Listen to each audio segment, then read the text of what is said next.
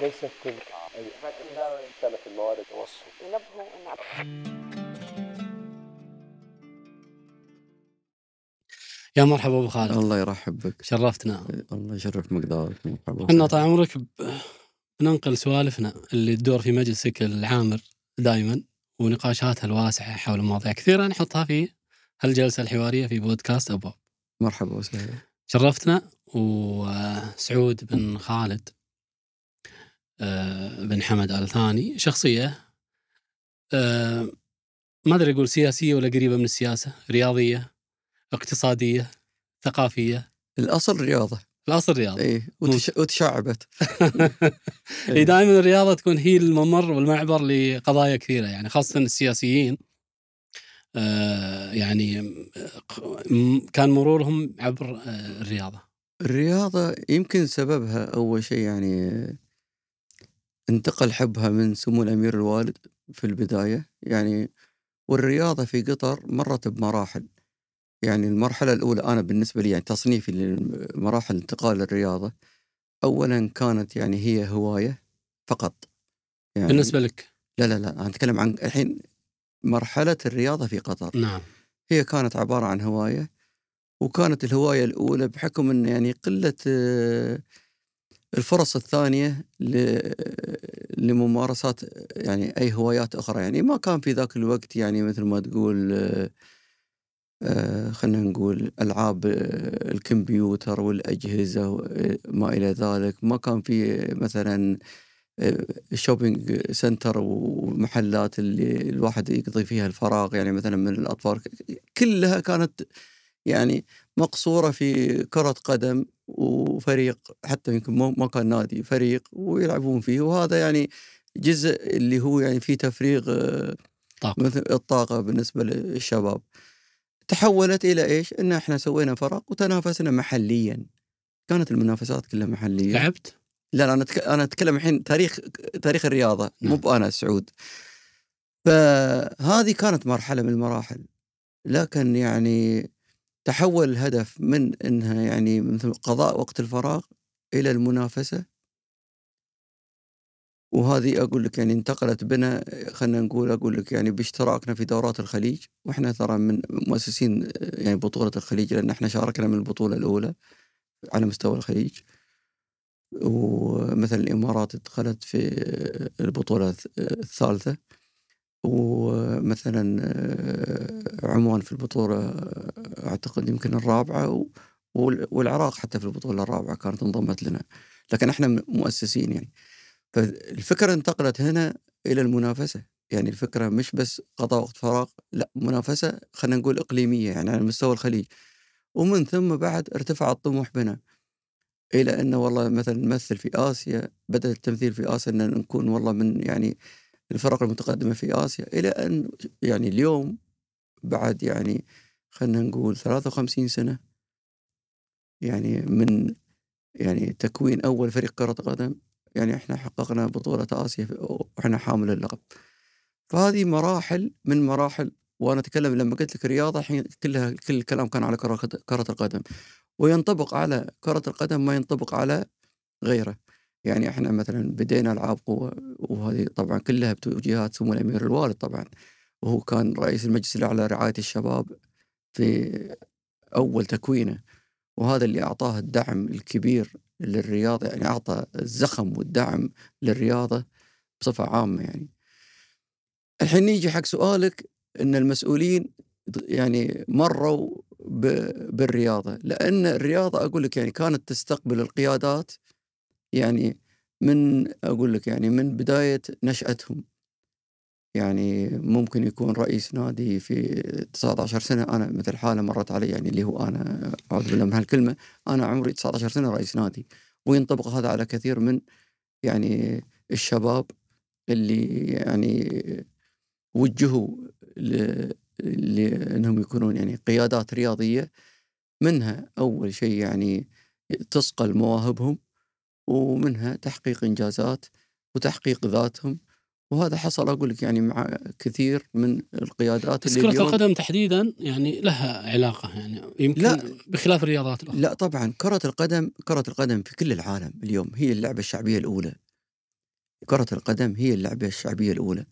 اليوم كرة القدم يعني لما أنت تتكلم عنها يعني هذا عالم اليوم أصبح business يعني آه تتكلم أنت عن يعني عشرات المليارات. عشرات المليارات يعني ال turnover مال كرة القدم. كرة القدم اليوم يعني من أنت التذاكر كانت تنباع مثلا ب 10 دولار اليوم التذكره تنباع ب 5000 باوند و 10000 باوند ويمكن sold out تذكره مباراة. يعني مثلا الرعاية الرعاية مثلا كانت على التيشيرت مثلا 100000 و200000 300000 اليوم أنت تتكلم عن الرعايه على التيشيرت يعني مثلا 50 100 مليون 200 مليون 500 مليون. أنا ما أعرف الأرقام يعني صارت فلكية. عقد اللاعب. أنا لحقت على لاعب كرة القدم يعني من المستوى خلينا نقول المتوسط يعني 2000 دولار. اليوم أنت تتكلم يعني عن 4 مليون 5 مليون 6 مليون لاعب المتوسط. فيعني بعدين أصلا صار ال business مش فقط يعني تذكرة كرة القدم ال right TV كم صار؟ يعني يعني مليارات.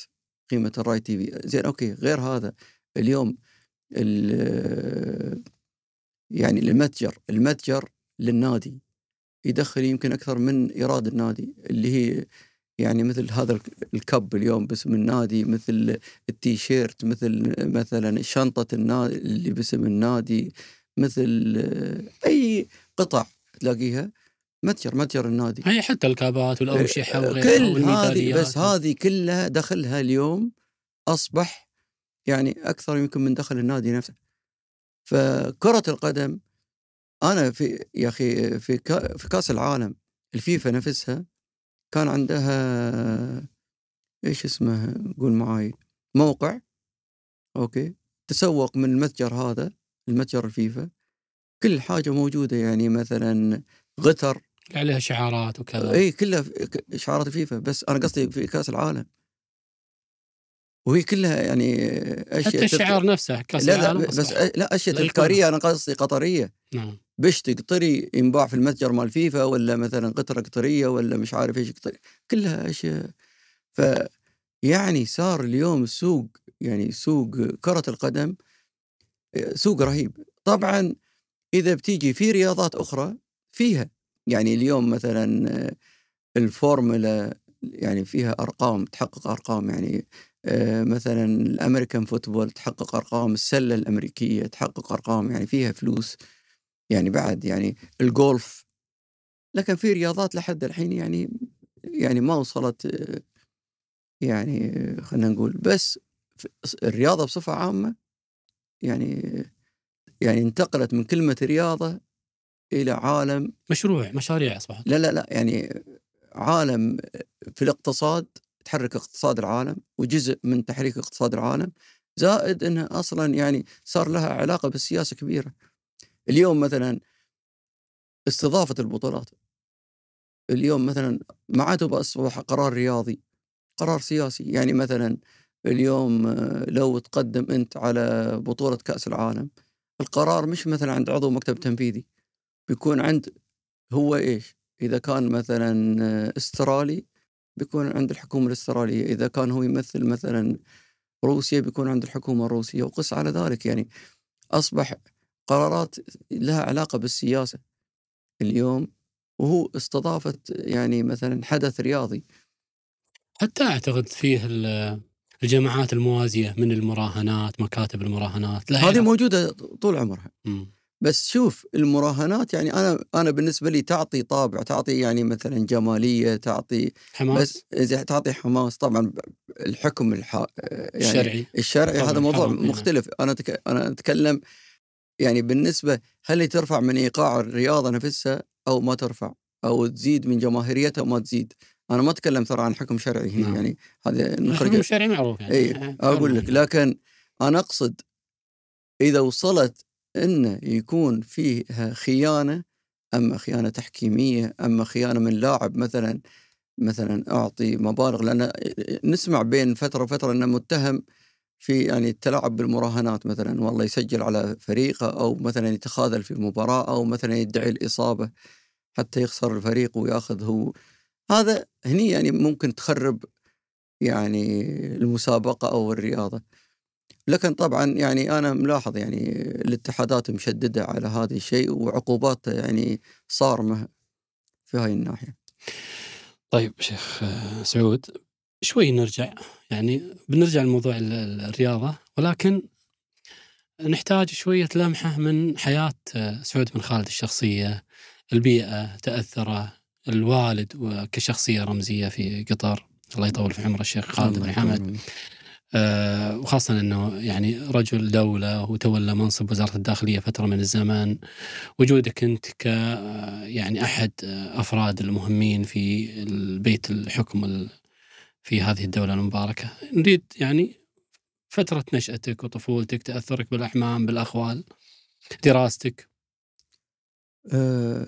أكيد إن التأثر موجود يعني مثل ما قلت لك بالوالد الله يحفظه ويطول عمره يعني وبحكم إني يعني طولت فترة مجالستي معاه ومرافقتي له و يعني كان حريص على يعني التزامنا خلينا نقول يعني مش مثلا مثل بعض الشباب اللي يعني يكون يعني مرتاح آه، يعني في بعض ال- المراحل من الشبابية يعني. كنا أكثر يعني جدية وهذه المرحلة ما أنا يعني ما مريت فيها يعني وطولت فيها مثل ما يقولون. والدليل إنه يعني أنا كان عندي مهمة يعني رئاسة نادي الرياض مثلا في في عمر عمرك 19 19 سنة إيه. نعم. سنة بمعنى- 89 تقريبا؟ اي نعم. بمعنى ذاك الوقت يعني انه خلاص يعني بديت أحتك بالناس أقول لك يعني المسؤولين واللي أقول لك اللي أكبر مني سنا لكن يعني أتعامل وياهم على إني أنا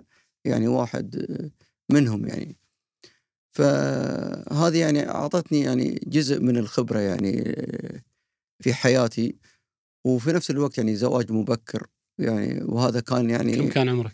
18 نعم. أنا تزوجت عمري 18 سنة وبعد هذه يعني أعطتني خلينا نقول يعني نقلة على أساس إنه يعني من سن الشباب إلى سن يعني خلينا نقول المسؤولية. بداية المسؤولية والرجولة يعني. نعم. والحمد لله رب العالمين يعني أنا بالعكس يعني أنا سعيد يعني بالقرارات اللي اللي اخذتها أنا في حياتي هذه.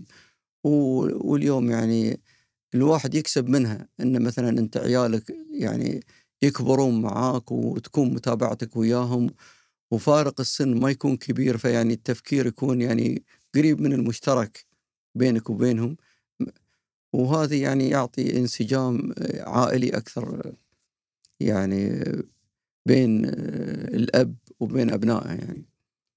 يعني مثلا علاقتك في خالد تكون صداقة. أنا صداقة. أنا الحين يعني أنا أتعامل وياه صديق يعني جد يعني مش اني ترى مش مبالغة مش يعني بس عشان يعني قدام الكاميرا لا أنا أتعامل وياه صديق. وعبد العزيز أتعامل وياه صديق. أنا أقول لهم عيالي يعني مثلا تميم ومحمد اللي اللي يعني لحد الحين يعني في طور الدراسة نعم. أقول يعني أنتم عيالي بس لا وبعد إذا انتقلوا إن شاء الله. ينتقل لمرحلة الصداقة. إي بيرتقلوا لمرحلة الصداقة بدون تأ... بكل تأكيد. وهذا ينطبق على البنات؟ نفس الشيء. نعم. إي نفس الشيء ترى. ال- المسؤولية في عمر 19 سنة آه، والريان والأحداث اللي تمت فيها من آه، صعود آه، أعتقد أن لما استلمته أنت كان يعني صاعد كان صاعد. كان صاعد. نعم. نعم. إيه.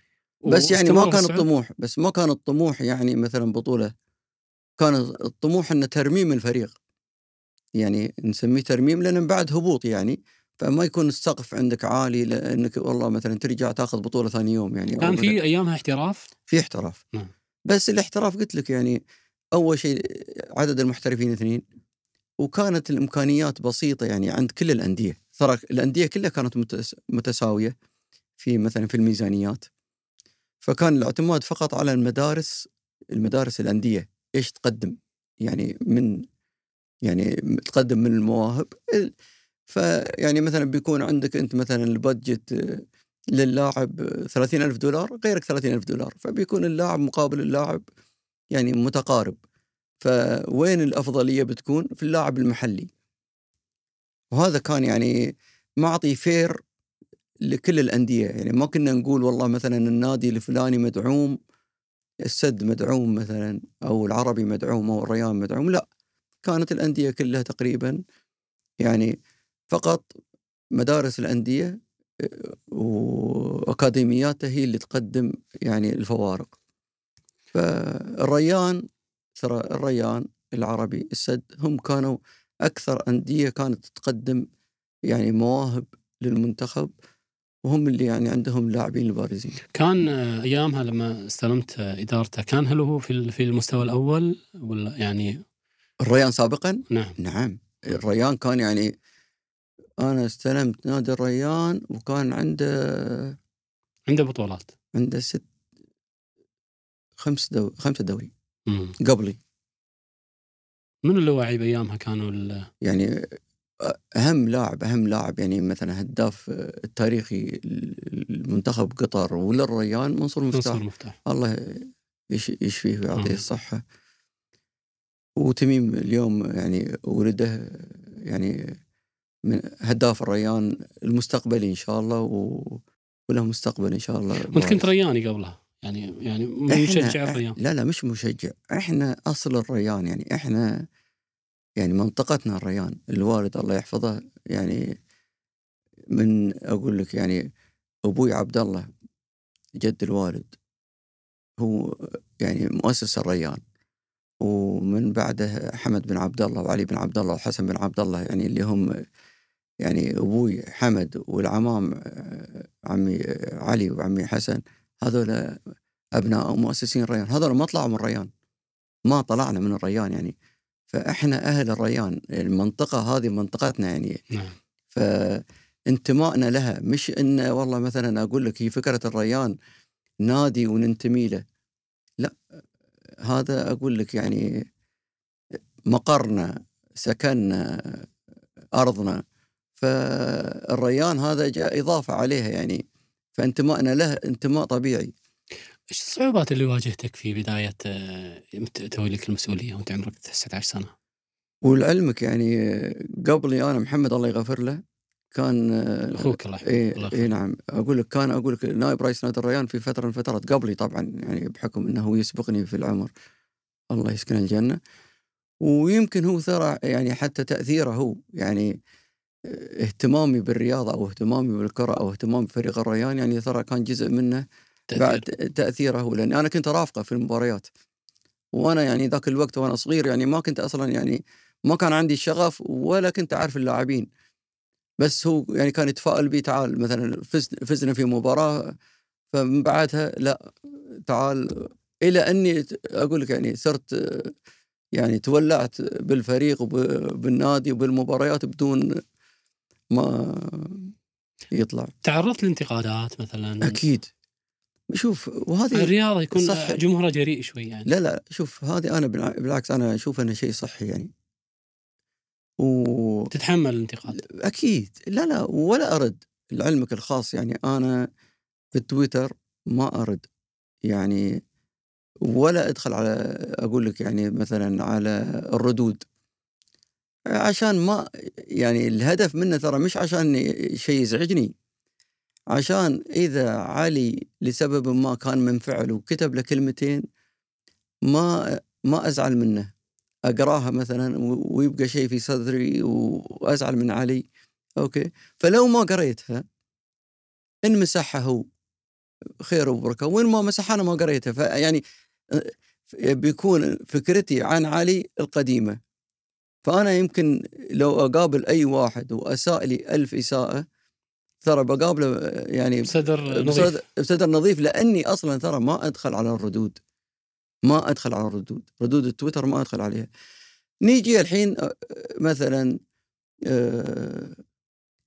أنا أقول لو اليوم أنا يعني مثلا اشتكيت على فلان ولا إكس ولا واي ولا زد مثلا أقول يعني هذه المساحة الوحيدة اللي هي أقول مساحة الرياضة اللي الواحد يعني يرفع السقف فيها وياخذ راحته.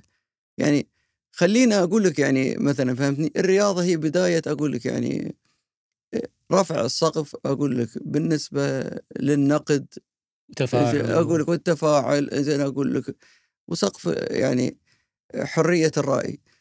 بس برجع أقول يعني في الأخير انتقد عمل الإنسان. يعني انتقد عمل الإنسان. يعني يقول لي سعود إدارتك للريان سيئة. قول لي يا سعود أنت أسأت في إدارة الريان في X Y Z. أنا ما عندي مشكلة ترى في هاي الناحية. بس مثلا لا توصل معاك إنك أنت يعني تشتم يعني مثلا في عائلة سعود ولا في اسم سعود ولا في أب أم مش عارف. يبعد عن الأمور الشخصية. زين أقول لك لا لا لسبب لسبب. أنا الحين ترى مش عشاني بزعل لأن هذا الشخص ممكن بكرة يرفع عليك قضية. ومن هنا أقول لك تدخل أنت في أقول لك يعني في خط ما كان لك داعي. يعني أنت لما تنتقد لما تنتقد عمله من حقك الشرعي ولا حد أقول حتى لو زعل ما يقدر يقاضيك. فأنت لا تسلم نفسك لشخص ممكن يسي أقول لك يعني مثلا يوديك زين أقول لك يعني عرضك للنيابة يعرضك التوقيف يعرضك مثلا زين سحب. ولا ويجي يعني مرت علي حالات على سبيل المثال. والله شوف اطلبوها الجرائم الإلكترونية. وهم يعتقدون إن الجرائم الإلكترونية إن هي نفسها يعني تراقب هذه الحسابات. أقول لك وهي توقف الأشخاص. لا. ترى هي قضية إن شكوى جات من طرف ما. شكوى جات من علي. زين هذا حق علي المشروع. إذا كان أنت أسأت له إنه يقاضيك. فترى يعني القضية مش قضية أقول لك إن يعني الجرائم الإلكترونية أو النيابة okay؟ يعني تترصد زين أقول لك لكل من هو أقول لك يستخدم يستخدم ال social media في قطر. ابدا ابدا. أنت لك سقف الحرية مفتوح. لكن أنا أقول لا تسلم نفسك واقول لك يعني وتتجاوز وتخلي طرف ثاني أقول لك يعني مثلا أقول لك منه أنت أسأت له يرفع عليك قضية بكرة؟ أقول لك ومنها يعني ندخل في دوامة ما لها داعي. يكون دعم الطوفه و... لا لا أقول لا لا ما لها داعي. لا لأن هاي ترى أنا قاعد أقول لك عن الكلام نعم. ومر علي. يعني وشيء يعني وما أقدر أساعدك. يعني أنا ما أقدر أساعد أي واحد لأن هذا حق يعني أصبح حق لطرف آخر. يعني ليش؟ حتى لو كتبت أنا أقول. الإنسان انفعل وكتب. نصيحة مني خلها 30 دقيقة قبل لا ترسلها. وعيد قراءتها مرة ثانية. صدقني بتغير فيها أقول لك يعني يمكن تغير محتوى كامل. صحيح. هذه بس يعني جاء مجالها يعني. أه والله نصيحة في مكانها. يعني هذا ال- الانفعال أحيانا لازم تضبطه. و... وتمسك شعورك في لحظتها اللحظي هذا وبعدين تعيد النظر في أفضل شيء يعني أفضل أسلوب. وثانيا انتقد العمل. يا أخي انتقد عمل أي وزارة أي مؤسسة. أوكي؟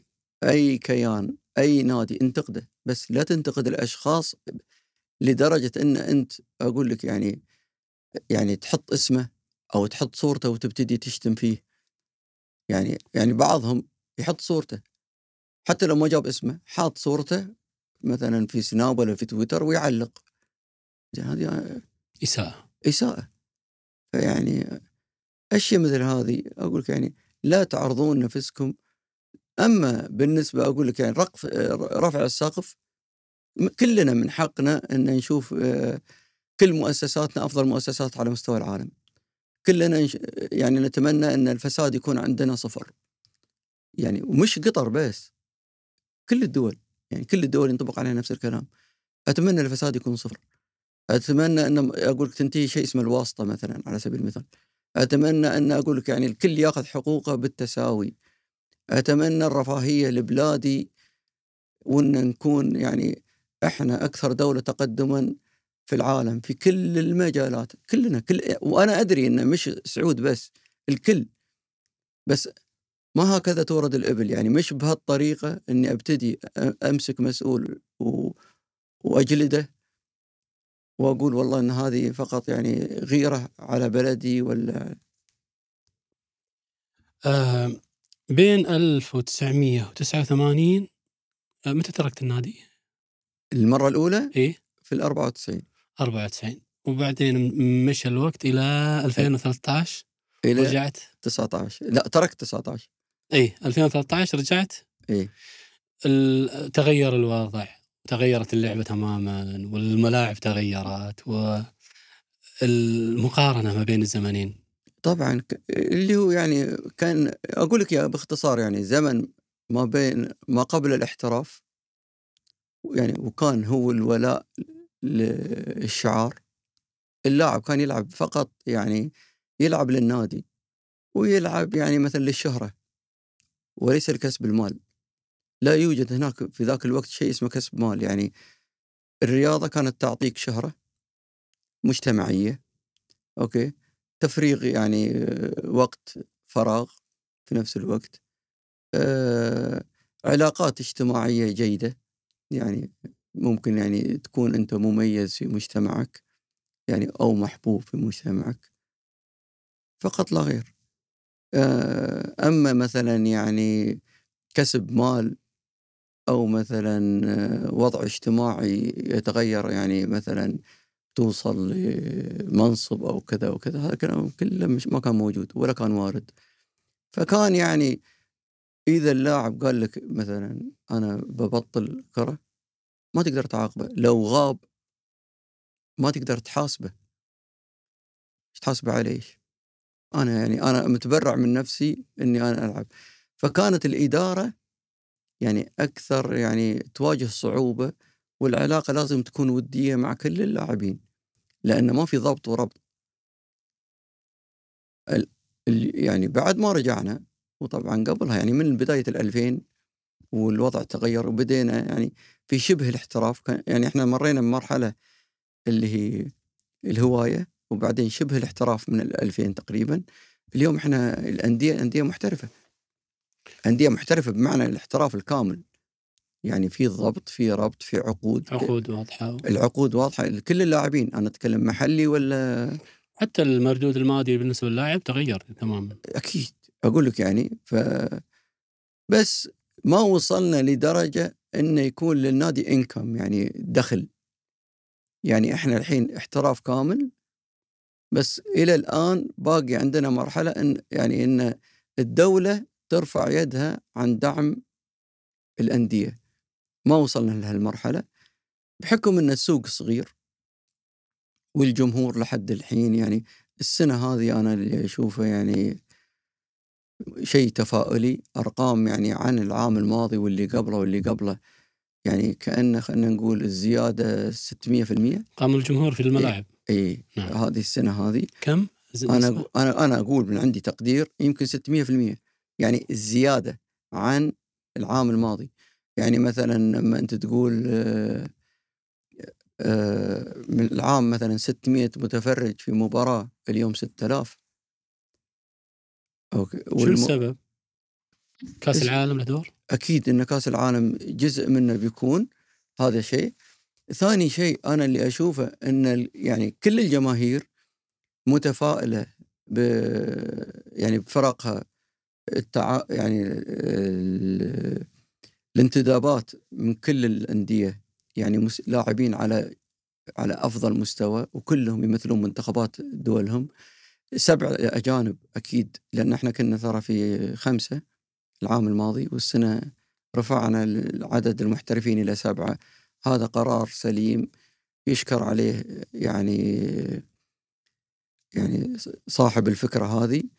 أتمنى أتمنى أتمنى إن السنة الجاية يعني يكون العدد مفتوح من من الأجانب حتى نوصل حتى نوصل يعني لمستوى دوري يكون يعني خلينا نقول ينافس يعني الدوريات المحلية اللي حوالينا. مثل؟ يعني مثلا الدوري الإماراتي الدوري الكويتي الدوري الأردني الدوري السعودي لأن ترى هذول أقوى كلهم دوري في المنطقة.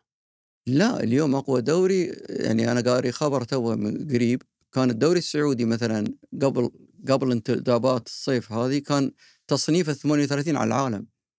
من 190 دوري يمكن. الآن الآن فقط يعني بالجولة الرابعة انتقل ل 18 لا انتقل لل 17 آسف. من تقدم. من ثم- بس في أربع جولات. مم. يعني أنا أتوقع أنه ينتهي يمكن عاشر آخر الموسم. سبب ممكن يعني آه،. الاستثمار الاستثمار. اللي استثمروا فيه يعني الاحتراف صندوق الصندوق السيادي السعودي لما هو استلم الفكرة هذه والمشروع كامل أكيد أنه يعني والاستقطابات اللاعبين يعني أنت اليوم بدايتها كان كريستيان فتح لهم الباب وهذه كانت فكرة يعني عبقرية. ما تشوف إن الرقم مبالغ فيه؟ لا لا لا. ب... لأن أنا أخذها ك... كون project. يعني أنا ما أتكلم عن عقد كريستيان عالي. أنت الحين كل اللاعبين اللي جو أنت أربطهم. بأن كريستيان موجود شجع شجع بنزيما بنزيما شجع رياض محرز رياض محرز شجع ساديو ماني. إلى إلى آخره وبعدين. ترى أنت بدينا شوية باللي خلينا نقول يعني خلصوا من يعني بأعمارهم مثل يعني الدوري الأمريكي والدوري الصيني يوم من الأيام كان نجوم النجوم النجوم سوبر كانوا يخلصون من أوروبا من الدوريات الكبرى ويطلعون يا أمريكا ينهي حياته الكروية مثل ما عمل ميسي أو في الصين. السعودية بدأت بكريستيان على نفس النسق، لكن اليوم لاعبين السعوديين اللي احترفوا بعضهم 26 سنة 27 سنة يعني في عز عطائه يعني هذه كسروا قاعدة الدوري الأمريكي والدوري وبعدين الرقم الرقم ترى مهم. يعني أنا أتذكر الدوري السعودي كان من 14 فريق اليوم 18 فريق. يعني من الدوريات الكبرى. وأنا أقول لك ما أستبعد يوم من الأيام إنه يكون الدوري السعودي Champions League مثلا. إن يتقدمون أقول لك يعني ينتقلوا من الاتحاد الأسيوي ويطلبون مثلا انضمام أقول لك للاتحاد الأوروبي. شوف هذا الكلام أنا ما سمعته من حد. ولكن يعني متوقع قراءة. قراءة مني يعني أنا أقول لك مثلا بعد أربع سنوات ثلاث سنوات ولو انتقلوا لل Champions League بيكون أقول لك يعني يمكن من الدوريات الكبرى. يعني ياخذ مكان واحد من لأن الحين إحنا بالنسبة لنا الدوري يعني الدوريات الكبرى خمسة. الدوري الإنجليزي والأسباني والألماني والإيطالي والفرنسي. ممكن يورث واحد منهم. هذا كله أنا قاعد أقول لك إنه يعني يعني يوم من الأيام إنك كنت كنت تقول لي إن هذه النخبة موجودة في الدوري السعودي بقول لك إن هذا من المستحيلات. فكرة اليوم أقول لك إنه والله مثلا نادي في السعودية ويلعب Champions League هذا أصلا يعني ينتمي حق اتحاد آسيوي وبكرة ينتمي حق اتحاد أوروبي. يعني فكرة مش موجودة غير واردة. بس أنا أقول لك إنها مثل ما هذا صار ممكن ذاك الفلوس اللي دفعتها لرونالدو هل هي ترجع مثلا للنادي ولا؟ أنت ما تبغي أنت الحين فلوس رونالدو هذا فيه العافية ياخذ وصحتين على قلبه مثل ما يقولون اخواننا اللبنانيين. أنت المشروع كله كم دفعت فيه؟ خلينا نقول مثلا 10 مليار. هذه واحدة من 10 مليار يعني جزء من 10 مليار لكن هل 10 مليار ورثت ولا لا؟ هذا موضوع ثاني. طبعا أنت ما تأخذه أول حاجة لا تتوقع ان يعني عائداته أنت استثمرت مثل ما تستثمر خلينا نقول مثلا في جامعة مثل ما تستثمر أنت في مستشفى. يعني يعني ممكن يكون ماله مردود قصدك لا لا. لا لا. له مردود بس مستقبلي ومردود غير مباشر. أنت الهدف منه ترى غير مباشر. أنت ترى اليوم الاستثمار في الرياضة هدفها غير مباشر. يعني مثلا إحنا لما جبنا كأس العالم وصرفنا لهالكثر مليار رقم كذا مليار. كأس العالم بعد ما جاء وسوينا ميزانيتنا السنة هذه وشفنا يعني ال in وال out أكيد إن إحنا ما جبنا. بس أنت سويت شيء إيش؟ أسست مثلا اليوم لو عندك مثلا مسابقة ثانية أو بطولة ثانية تبي تستضيفها. وسهل من لا لا لا لا أنت كل كل شيء البنية التحتية موجودة. الطرق الطرق أنت بتستفيد منها مش بس عشان كأس العالم. الطرق اليوم هذه بتبقى معاك خمسين سنة قدام. زين المترو لولا كاس العالم يمكن أنت ما استعجلت المترو. اليوم المترو في قطر وفر زين وعلى مدى يعني السنوات القادمة كلها يعني 20 سنة 30 سنة خدمة المترو هذه موجودة. وهذه طبعا يعني كل اللي أنا قاعد أقوله يتكلم عن المدينة العصرية.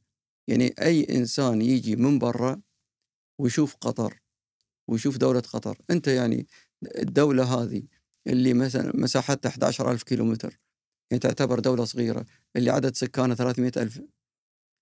لما يجي ويشوف يعني يبتدي يعني من المطار اللي هو يمكن أفضل مطار في العالم ماخذ كذا سنة وأفضل مطار في الشرق الأوسط السنة الماضية آه، مثلا لما يجي يشوف خطوط الطيران اللي هي أفضل خطوط على مستوى العالم في يعني مثلا في والله مثلا في درجة رجال الأعمال أو مثلا في آه، مثلا قائمة الطعام ولا مثلا في الالتزام مواعيد بالمواعيد إلى آخره. لأن طبعا في أشياء أنت تأخذ فيها جوائز وفي أشياء تأخذ فيها مركز ثاني أو ثالث. لكن في الأخير أنت من أفضل شركات الطيران.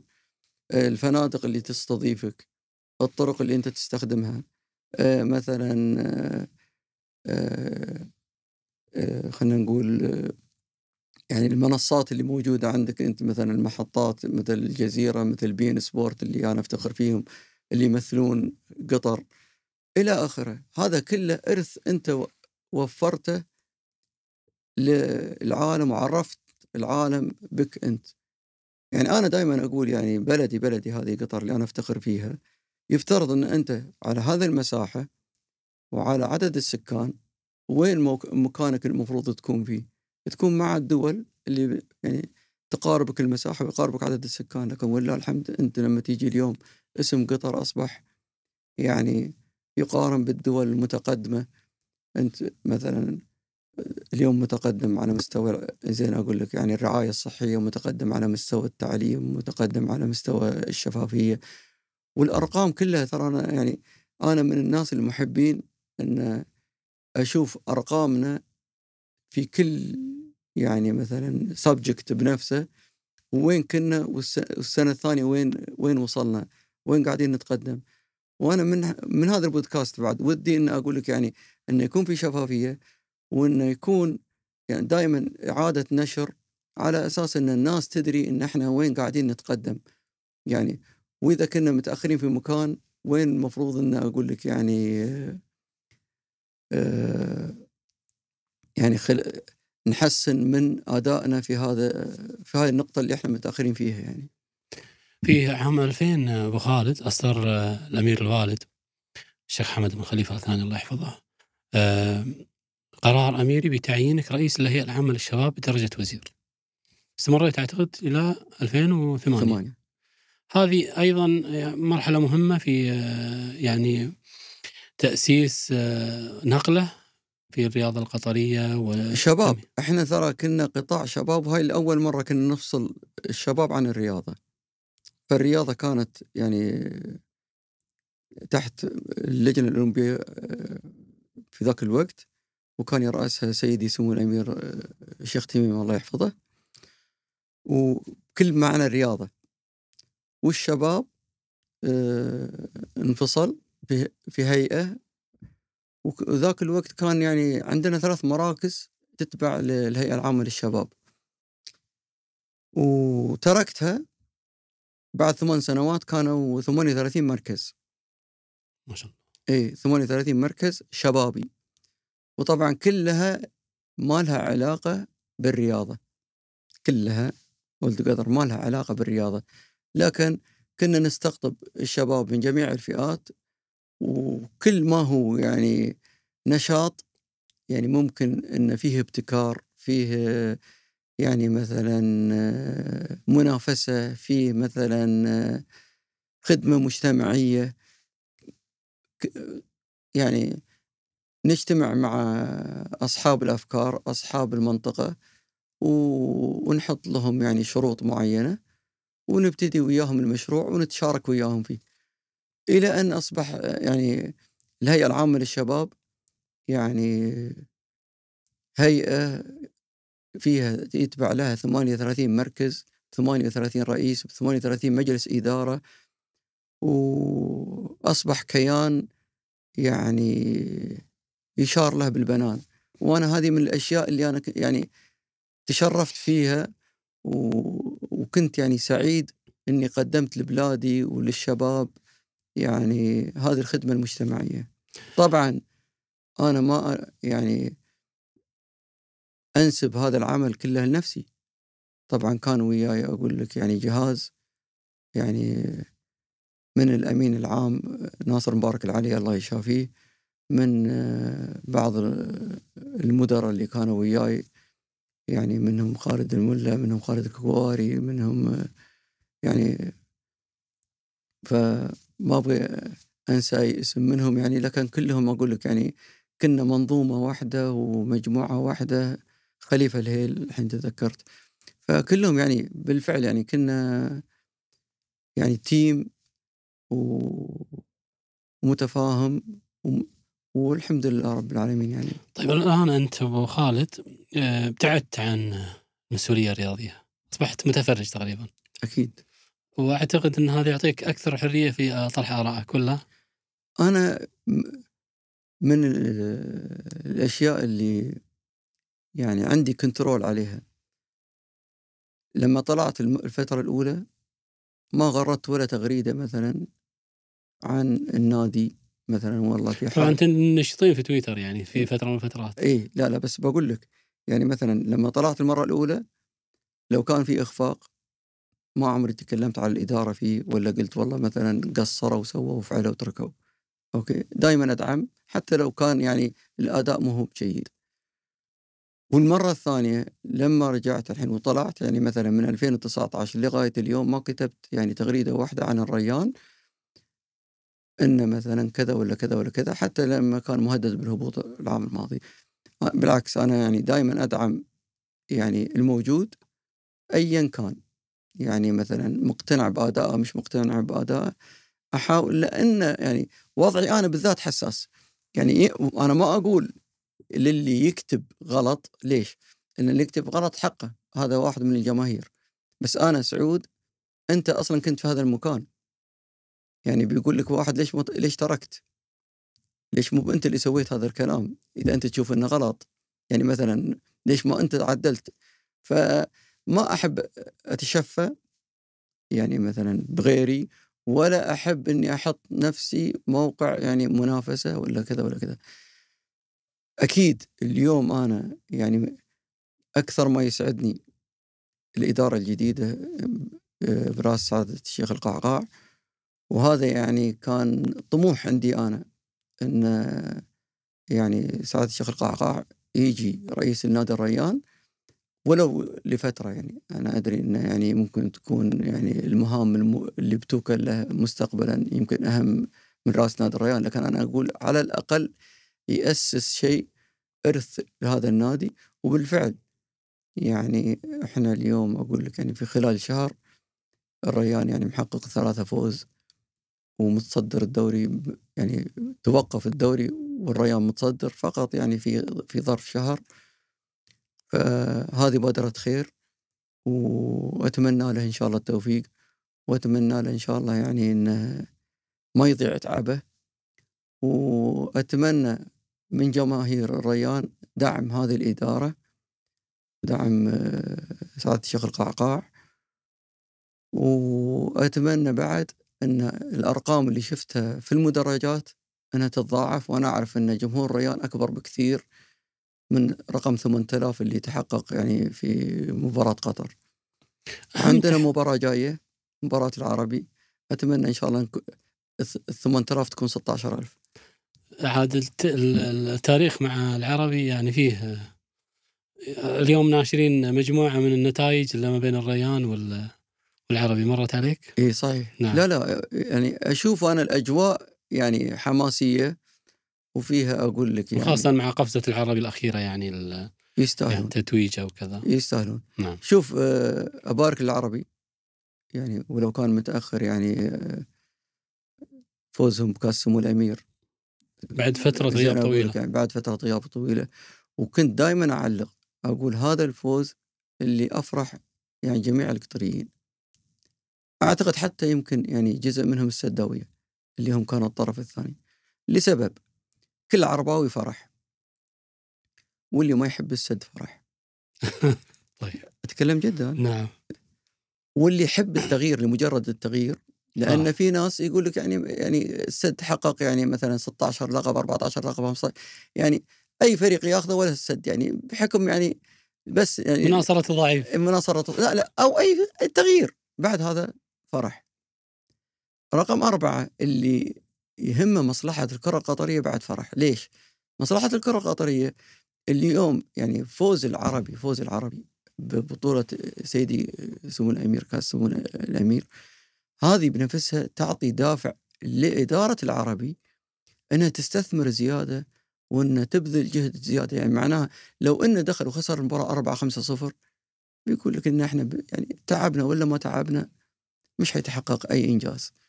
بس لما يشوف نفسه أنه والله يعني لما شوي يعني اجتهد وبذل جهد حقق نتيجة معناها أن الحين بيطمح أما الم- المحافظة على هذا اللقب ولا على الأقل يقول لك أدخل في المنافسة حتى على كأس على دو على الدوري. ف يعني فوزك أنت هذا والعربي طبعا قطب من أقطاب الكرة في قطر. أنا يهمني والمسؤولين كلهم يهمهم و يعني جمهور العربي يهمه إن العربي يرجع أقول لك يعني بشخصيته القديمة اللي هو أقول لك يعني أحد أطراف يعني الرياضه القطرية والكرة القطرية. يعني إذا أنت بتقول أطراف الكرة إذا أنت بتقول أطراف الكرة أنت بتقول يعني أكيد إنك ما تغفل السد والسد أنا بقدم عليهم كلهم حسب النتائج. يعني أكثرهم تحقيق للدوري أكثرهم تحقيق ل- ك- كاس سيدي سمو الامير النادي الوحيد اللي حقق لقبين آسيويين. فما أقدر أغفله. الريان والدحيل اليوم طبعا يعني الدحيل هو أقول لك يعني أفضل الفرق كلها تحقيقا للنتائج خلينا نقول في العشر سنوات الأخيرة. إذا بت... يعني إذا أنت بس يعني تاخذ عشر سنوات أخيرة أكيد إن الدحيل هو يعني صاحب أكبر عد- عدد من البطولات. وقلنا الريان إحنا؟ قلت الرياض العربي هو اللي كان أقول لك يعني ترا... لا لا لا تراجع يعني أنا قصدي هو كان صاحب يعني شريك أساسي وتراجع الفترة الأخيرة. أتمنى يضاف لهم أقول لك يعني ويرجع الغراف لأن الغرافة يعني غرافة ال 2000 والتسعينات كان بعد يعني فريق آه، لا يستهان فيه وكان له حصته من البطولات.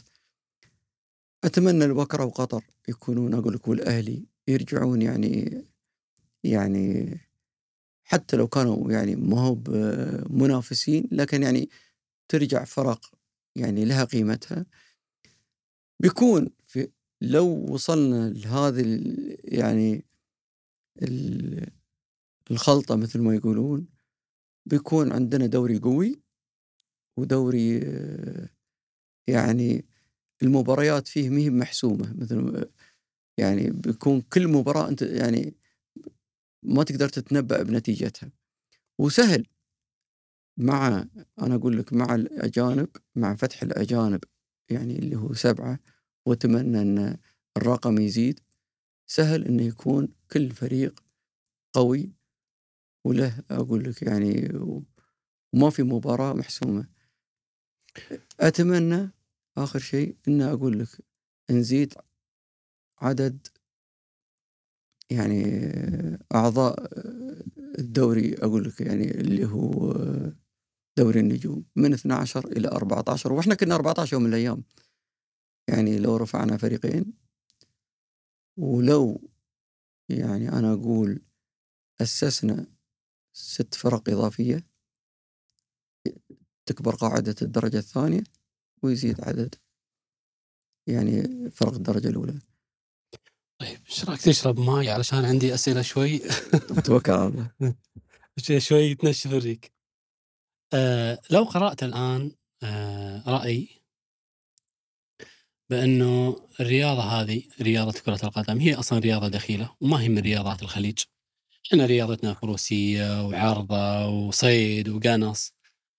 وهذا من باب إشغال ال- الشباب وإدخالهم في متاهه متابعة ال ال- النجوم الرياضة الدولية وبما يعني يصدرونه لنا من أشكال أو مع ثقافات زوجته ومع صديقته ومع أو ثقافات أو ثقافات. وش وجهة نظر أبو خالد في هذا الموضوع؟ صح يعني هو شوف يعني الرياضة في الأساس هي مثل ما تقول تفريق الطاقات يعني. نعم. والرياضة في كل يعني يعني بكل أشكالها وألوانها مطلوبة مطلوبة يعني. إنك أنت تفرغ جزء من طاقتك و الرماية رياضة الهجن السباحة رياضة. الفروسية بصفة عامة كانت هجن ولا خيل هي رياضة. وهذه أقول لك يعني اللي كان اللي دعينا لها يعني علموا أبنائكم يعني. السباحة الرماية. السباحة والرماية وركوب الخيل يعني. دخل علينا أقول لك يعني بعض الرياضات الثانية. أنا مع كل رياضة تشغل فراغ يعني أو يعني مثل ما تقول تستخرج طاقة من الشباب. مع كلها. يعني وين أنت يعني وين أنت ميولك؟ أنت يا شاب وين ميولك؟ في الرماية؟ ما عندي مشكلة أنك أنت أقول لك تفرغ يعني طاقاتك في الرماية.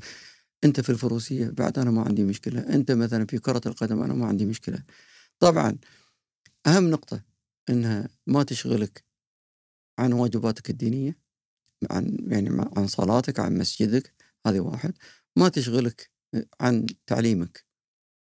يعني وشو ولو جاني واحد اليوم قال لي سعود أنت تتفلسف أكيد أنا بتشغلني. لا لأن إحنا شفنا النجاحات يعني شفنا نجاحات ناس وازنت بين يعني تعليمها وهوايتها. زي وهوايتها في نفس الوقت يعني. فممكن أقول لك يعني ممكن إني أنا أقدر أوفق بين هذه وبين هذه. وثانيا يعني أنا الحين آه، كلمة رياضة مش معناها إنك أنت لازم تكون يعني اليوم آه، ليونيل ميسي ولا مثلا كريستيان رونالدو. فإذا ما كان أقول لك يعني مثلا تقضي عشر ساعات من التدريب فأنت مش حتوصل لهالنتيجة. إحنا قاعدين نتكلم إن أهم شيء إن أنت تنشغل في شيء مفيد ولا يعني الغرض الأساسي هو يعني ضد إيش؟ يعني مثلا ضد المخدر. ضد مثلا أقول لك الدخول يعني في برامج إلكترونية أقول لك ومواقع يعني ما تناسب الشاب. ضد حدود حدود حدود متابعتي للاعب يعني. سواء ميسي ولا كريستيانو ولا غيره ولا غيره. حدود إعجابي فيه خاصة إنه يصدر لي ثقافته. يصدر للجيل هذا ثقافته من لبسه ومن علاقته ومن صداقته يعني. هذه شوف الله يرضى عليك. يعني أول حاجة اليوم إذا أنت تبي يعني مش أنت يعني أقصد يعني من من صاحب هذا الرأي قال إن هذا صدر لي ولا سوالي. اليوم العالم كله صار يعني مثل ما تقول آه، قرية صغيرة. قرية صغيرة. فأنت هذا إن كان ممثل ولا إن كان سياسي ولا إن كان مذيع ولا إن كان مطرب ولا إن كان رياضي في الأخير الأسماء هذه كلها بتبرز. لكن اولا جزء منها التربية جزء منها يعني طبعا لأن إحنا نقول يعني التربية هو يعني البيت والمجلس. أنا يعني إعجابي فيه بمهارته. مو هو بسلوكه الخارجي. يعني مثلا آه، مارادونا يوم من الأيام كان يعني آه، معجب به 7 مليار. وكان أفضل لاعب في العالم يعني في فترة اللي إحنا نتكلم عنها الثمانين إلى التسعين. لكن كان عنده سلوك خاص فيه. أنا بالنسبة لي لا يعنيني. يعني هو كان يعجبه هو كان ما يعجبه. بعدين سبب له بعض المتاعب وبعدين سبب له بعض المشاكل الصحية وبعدين دخل في مصحات. بس بغض النظر يعني هذا ما كان يعنيني. أنا كنت أحب يعني مارادونا في الملعب. بتقول لي سعود أنت مثلا اليوم يعني راجل ناضج والشاب هذا يمكن ما يقدر يفصل بين هذه وبين هذه. ممكن أقول بعد دبلوماسي اجاباتك لا، لا، لا. مسؤوليتك ال- لا لا والله أنا أتكلم وأنا صادق ترى. أنا أتكلم ما فيها. دبلوماسية. لا ابدا ما في دبلوماسية. بس نعم. أنا أقول إن أنت لا تقول لي هذا صدر لي ثقافة. أنت أخذ منه الجيد واترك السيء. يعني مثلا هو فنان على سبيل المثال ممثل جيد جيد قدم يعني أدوار جيدة أقنعتك أنت وشدتك. هو عنده صديقة وعلاقته بها غير شرعية. أنت مالك وماله إحنا ديننا إحنا ديننا يقول إن العلاقات الشر... غير شرعية هذه حرام وعندك بد- بديلها العلاقه الشرعية. إيش عليك منه؟ بس أنت أداء أداء في دوره عرف يتقمص الشخصية هذه أقنعك بها بس أنت أعجب فيه في هذا المجال في في, في هذه الحدود. ليش العالم يستثمر كرة القدم في تصدير أفكاره؟ مثل المثلية وأشباهها هذا العلم حق ال- لا. الكحول. لا. أعتقد أنه قطر واجهت آه، هجمة وحاولت يعني أنها تفرض شروطها في هذا الموضوع. لا لا لا مش كرة القدم. هذه شوف الهجمة اللي أنت تكلمت عنها يعني هجمة قوية يعني بدت من كذا سنة. إحنا يعني إحنا يمكن ترى أنا واحد أنا يعني مش حقول إحنا بقول أنا. خليني أقول أنا. أنا ما كنت أدري وما كنت متابع. قوة الهجمة هذه. بعدين قمت أربط بين أحداث معينة وكنا نشوف مثلا في الصيف أيام و- ونستنكرها ونفكر إن هذه والله خذوا رخصة و- وطلعوا وكذا وكذا وكذا. هم لا يعني أنا أعتقد إن هذه يعني من 20 30 سنة وهم يخططون انه في يوم يعني خلينا نقول في 22 إنه يكونون يعني خلاص يعني جزء من العالم ويفرضون نفسهم على العالم لكن هم اشتغلوا 20 30 سنة. إح أنا أنا سعود ما كنت أدري يمكن في ناس كانت تدري عشان ما يقولون اليوم من خلال هذا المنبر لا سعود أنت مين قال إنه ما ندري؟ لا إحنا ندري. أوكي أنا ما أدري. بس في الأخير اللي بقوله فرضوا على وكالات السيارات ومصانع السيارات فرضوا على الفنادق فرضوا على الدول فرضوا على الحكومات على السفارات على يعني كرة القدم جزء ترى جزء من العالم اللي يعني خلينا نقول قدم التنازل مرغم. مرغم. وبعدين يعني أنت اليوم كم حكومة في العالم قبلت أقول لك يعني بشخصيات مثلية أقول لك إنها تدخل حكومات أو تدخل برلمانات. فيعني أنت اليوم لا تستنكر يعني لا تستنكر اليوم أقول لك إن الفيفا تخضع لهم. يعني مثلهم مثل أقول لك يعني مثل كل القطاعات. آه اليوم يعني اللي لحد الحين يقاومهم إلا من رحم ربي يعني والحمد لله رب العالمين يعني يعني حكومتنا الله يحفظها. يعني كانت آه، أدارت آه، الملف هذا يعني بتوازن يعني ومر مرور الكرام مر بسلام وكسبنا احترام الجميع آه، ما قبلنا نتنازل عن يعني مبادئنا ديننا قبل مبادئنا هذا واحد. وفي نفس الوقت كسبنا احترام الفيفا وكسبنا احترام الدول وكسبنا احترام الحكومات. طبعا بعض الحكومات يعني حاولت المناكفة لكن يعني ما طلعت بأي نتيجة. اليوم يعني الكل يشيد يعني بالتنظيم يعني اللي أعجز يعني بيعجز يعني ثلاث دول أنا أقول لك وأتحدى فيها. يعني وفيها الولايات المتحدة وفيها المكسيك وفيها كندا. وكلهم يعني أصحاب يعني خبرة في التنظيم. يعني الولايات المتحدة نظمت كأس العالم آه، في الأربعة وتسعين والمكسيك نظمت الستة وثمانين والسبعين. فعندهم الخبرات. دول متقدمة علينا يعني الولايات المتحدة ألف سنة.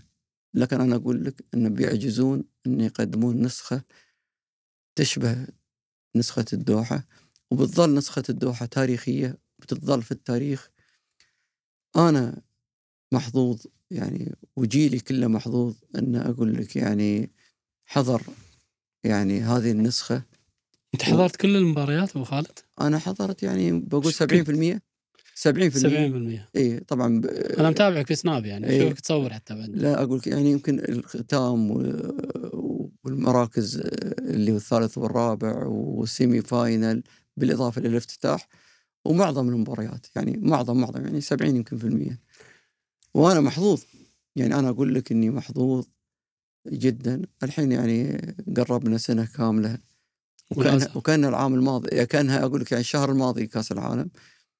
أكيد إنه يعني يمكن أقول لك بيكون لنا حنين إذا مر شهر 11 على أحيانا تسافر أنت أبو خالد آه، علشان مباريات بعض الأحيان ولا تكون؟ صحيح بس أنا بقول لك يعني اليوم لا تقارن تنظيم ولا تقارن ملعب مقابل ملعب. يعني إحنا حضرنا ملاعب في أوروبا حضرنا ملاعب في أمريكا حضرنا ملاعب في أفريقيا. اليوم بعد ما تشوف يعني ستاندر الملاعب القطرية يعني تشوف فرق يعني هو مو هو يعني تقليل من الملاعب الأوروبية لكن ما وصلنا له إحنا يعني تحف تحف وترى برجع أقول لك يعني جمهورنا وحضورنا يعني وأنت تتكلم عن يعني دوري في شهر ثمانية كانت المباراة في. شهر ثمانية نعم سبب رئيسي منها بعد أثني على قرار إن إحنا استخدمنا ملاعب كأس العالم المكيفة. وهذه طبعا يعني أعطت يعني يعني تشجيع الجمهور تشجيع. الجمهور إنه يحضر زائد الحضور نفسه آه، أداء اللاعبين. إنك أنت تلعب على درجة حرارة مثلا 20 أو 18 تعطي كل ما عندك. لكن لو كانت الحرارة مثلا 35 يعني الجهد بيقل عندك. يعني في خلال مثلا اللي أنت كنت تقدر تقدمه في 90 بتقدمه في 45 فهذا ترى يعني ولعلمك الملاعب المكيفة مش موجودة إلا في قطر. التقنية قطرية يعني. ما شاء الله.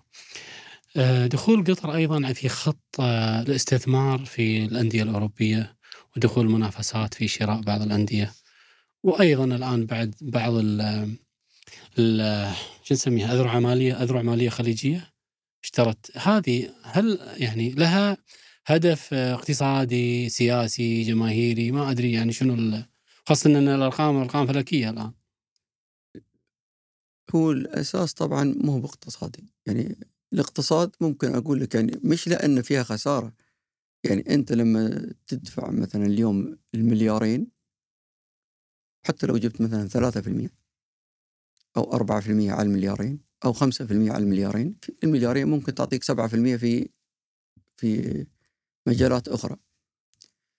لكن الكلام مش دائما أنت تبحث فقط يعني أنت مش تاجر أو رجل استثمار فقط يعني هدفك يعني الكسب المالي المباشر في المقام الأول.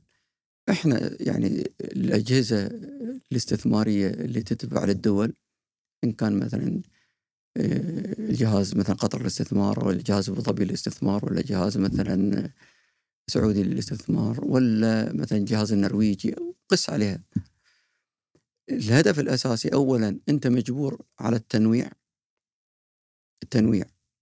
يعني لازم تبحث يعني مثلا عن الاستثمار في البنوك.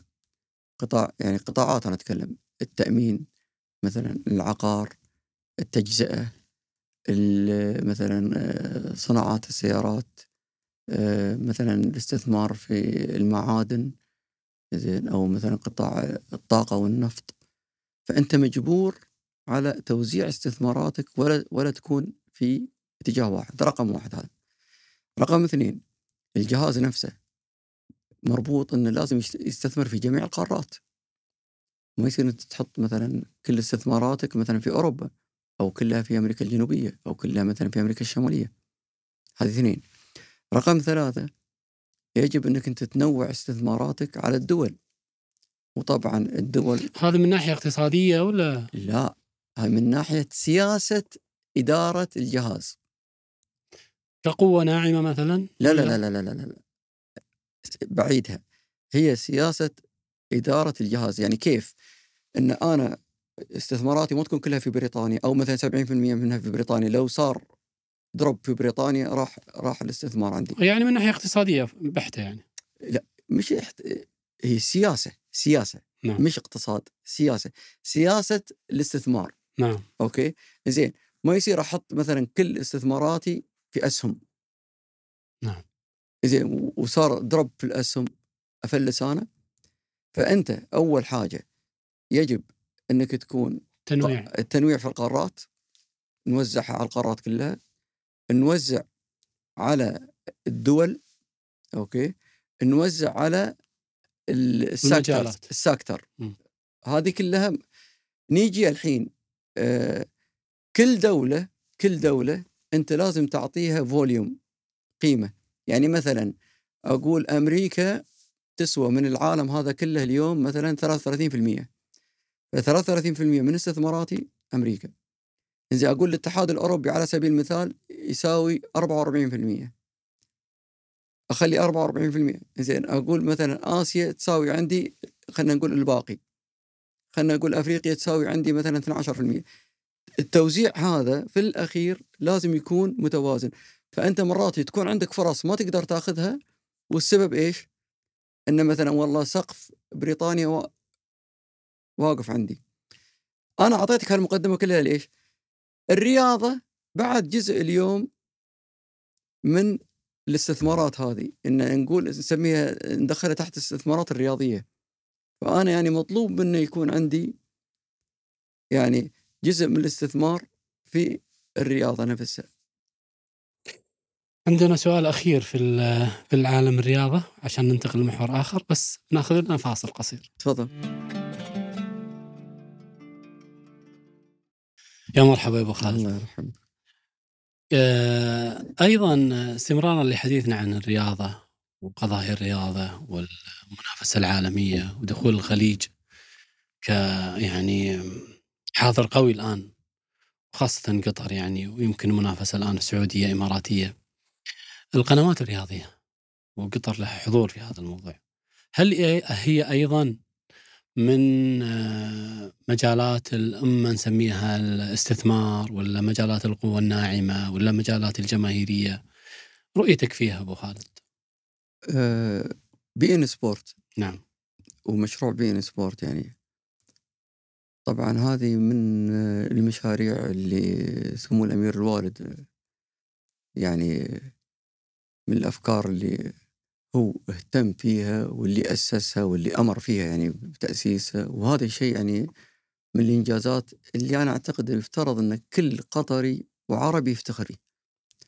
اليوم يعني الجودة والتغطية الشاملة، اليوم أنت عندك يعني مثل ما تقول آه،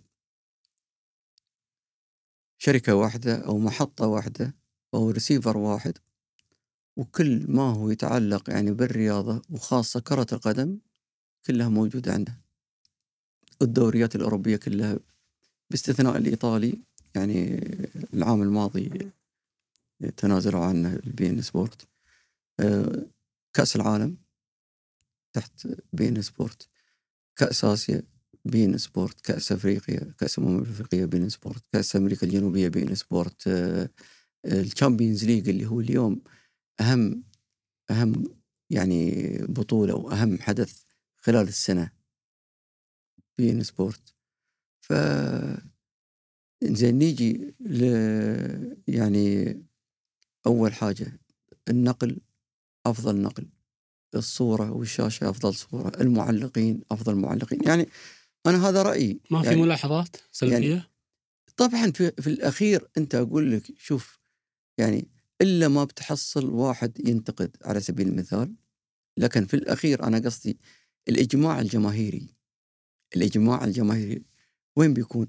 آه في واحد ثاني بيقول لك والله يا أخي لأن أنتم محتكرينها أنتم ما أعطيتوا حد فرصة عشان تشوف إذا كان بيقدم أفضل ولا لا ما هو هذا كله كان مقدم قبل لا تلمه البي إن سبورت إحنا ليش ما نرجع للتاريخ؟ ما هو كان الدوري الإيطالي في مكان والدوري الفرنسي كان في مكان والدوري الألماني كان في مكان. وكاس العالم كان في مكان. لكن ما كانت بهالجودة هذه. بعدين الاستديوهات التحليلية اللي موجودة عندي أنا. يعني مش عندي أنا يعني في البي إن سبورت. آه في طبعا في الأخير آه يعني فيه من المتابعين أو الشباب اللي أنا أحترم رأيهم. لكن يقول لك مثلا والله المعلق الفلاني كان يعني منحاز للفريق الفلاني. والمعلق الفلاني كذا. أو مثلا المحلل الفلاني كذا وكذا وكذا. يا أخي في الأخير إحنا بشر. في الأخير إحنا بشر. يعني إنك أنت تبي تجردني بالمرة زين من جميع مشاعري وعواطفي هذا الأمر يعني بحاول إني أنا بحاول إني أنا أكون يعني مثل ما تقول محايد. لكن في الأخير إجباري بيطلع. لكن أنا أقول اليوم اللي أنا متأكد منه شيء واحد إن الكل صديق بي إن سبورت الكل يعشق بي إن سبورت. ما أتوقع اليوم يعني حد في الوطن العربي يعني آه، عنده الريسيفر هذا ويقدر يستغني عنه بكرة. يعني يمكن في حد ما عنده لغاية اليوم. فهو ما ما بنى العلاقة والصداقة مع البي إن. لكن أنا متأكد إن أي حد اليوم عنده هال يعني الريسيفر أصبح صديق هذا الريسيفر وهذه أقول لك المجموعة. طيب. الأشكر القائمين عليها يعني واعتز وافتخر إني أنا قطري وإن هذا وهي من قطر يعني. آه شوي يعني نغير مسار الحوار. تفضل. بسأل سؤال وبعدين نروح لسؤال آخر ما له علاقة. نتفلكس الآن طلع على بالي الموضوع. يعني آه قنوات الرياضة. والآن دخول عالم ال- هذا الميديا الجديد سواء نتفلكس أو غيره هل حسيت بتأثير على المجتمع؟ مثل أفلام الأفلام ومتابعتها. شوف الله يرضى عليك إحنا فقدنا أول شيء الصحافة المقري آه، الورقية. نعم. هذا أكيد. يعني في ضحايا للتكنولوجيا اليوم أقول لك يعني وما أنتجته لنا يعني والمتغيرات.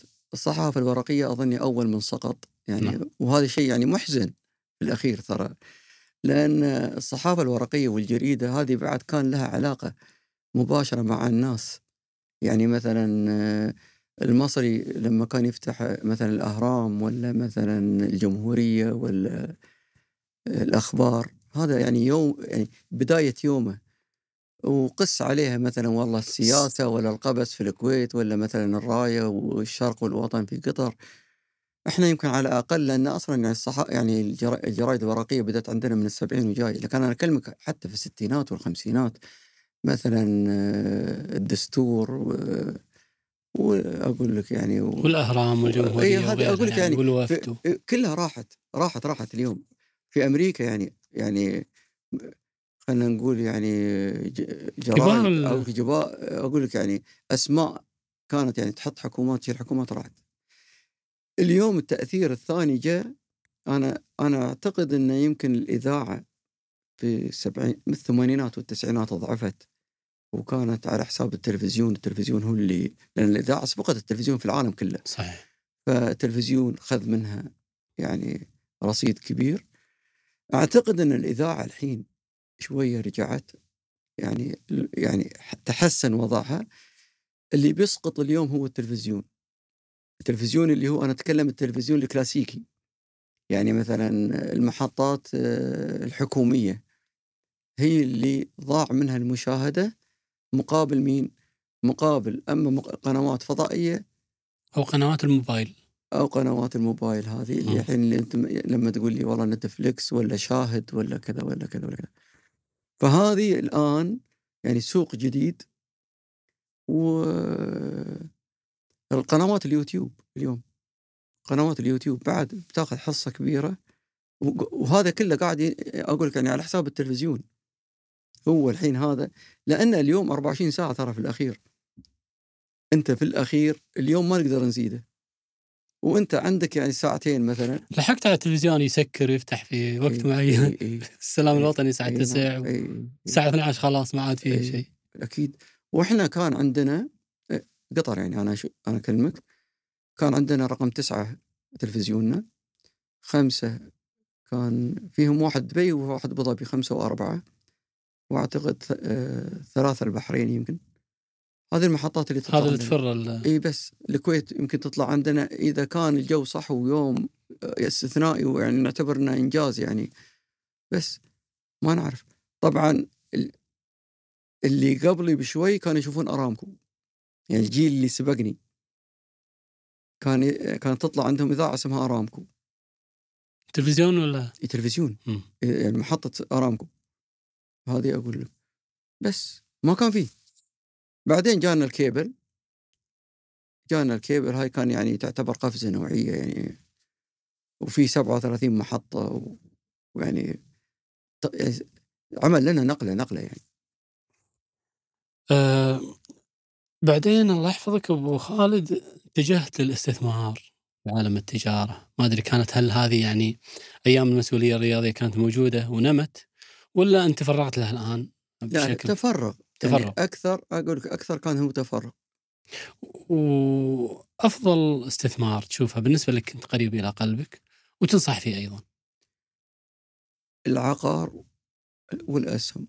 عقار والأسهم. يعني أكثر من أنا أقول لك يعني تجارة التجزئة أو أكثر من المقاولات أكثر من يعني الأسهم بالنسبة لي أنصح فيها جدا وهي سيف لأن طبعا لكن على في دراية البورصة قصدك إي. الأسهم في البورصة أنصح فيها كل حتى اللي أقول لك يعني يعني لو بتبتدي أنت بمحفظة من يعني عشر ألاف ريال ولا عشرين ألف ريال ولا ثلاثين ألف ريال وتزيدها.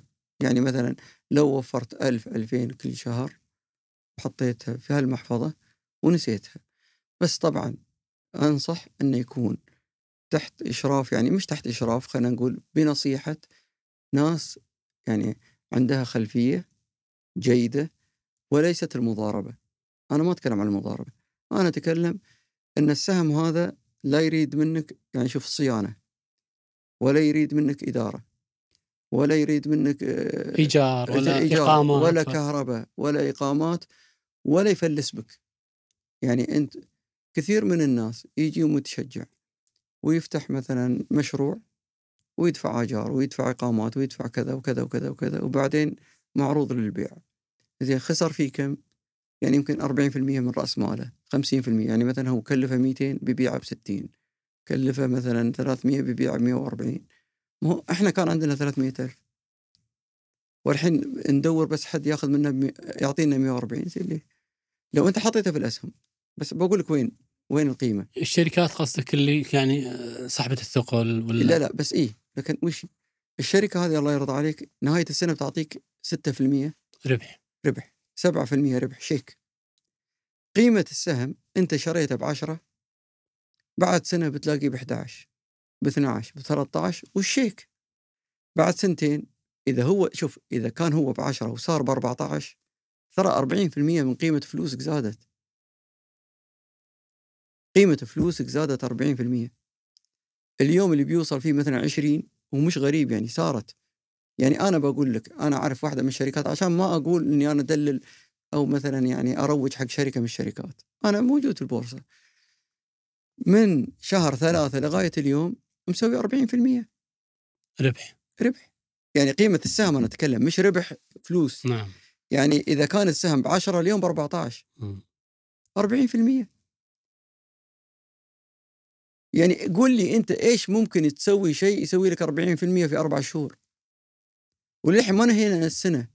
يعني لا تستغرب ان أقول لك ممكن تلاقيها مثلا يعني ب 18 اللي هو 80% دبلت فلوسك في سنة.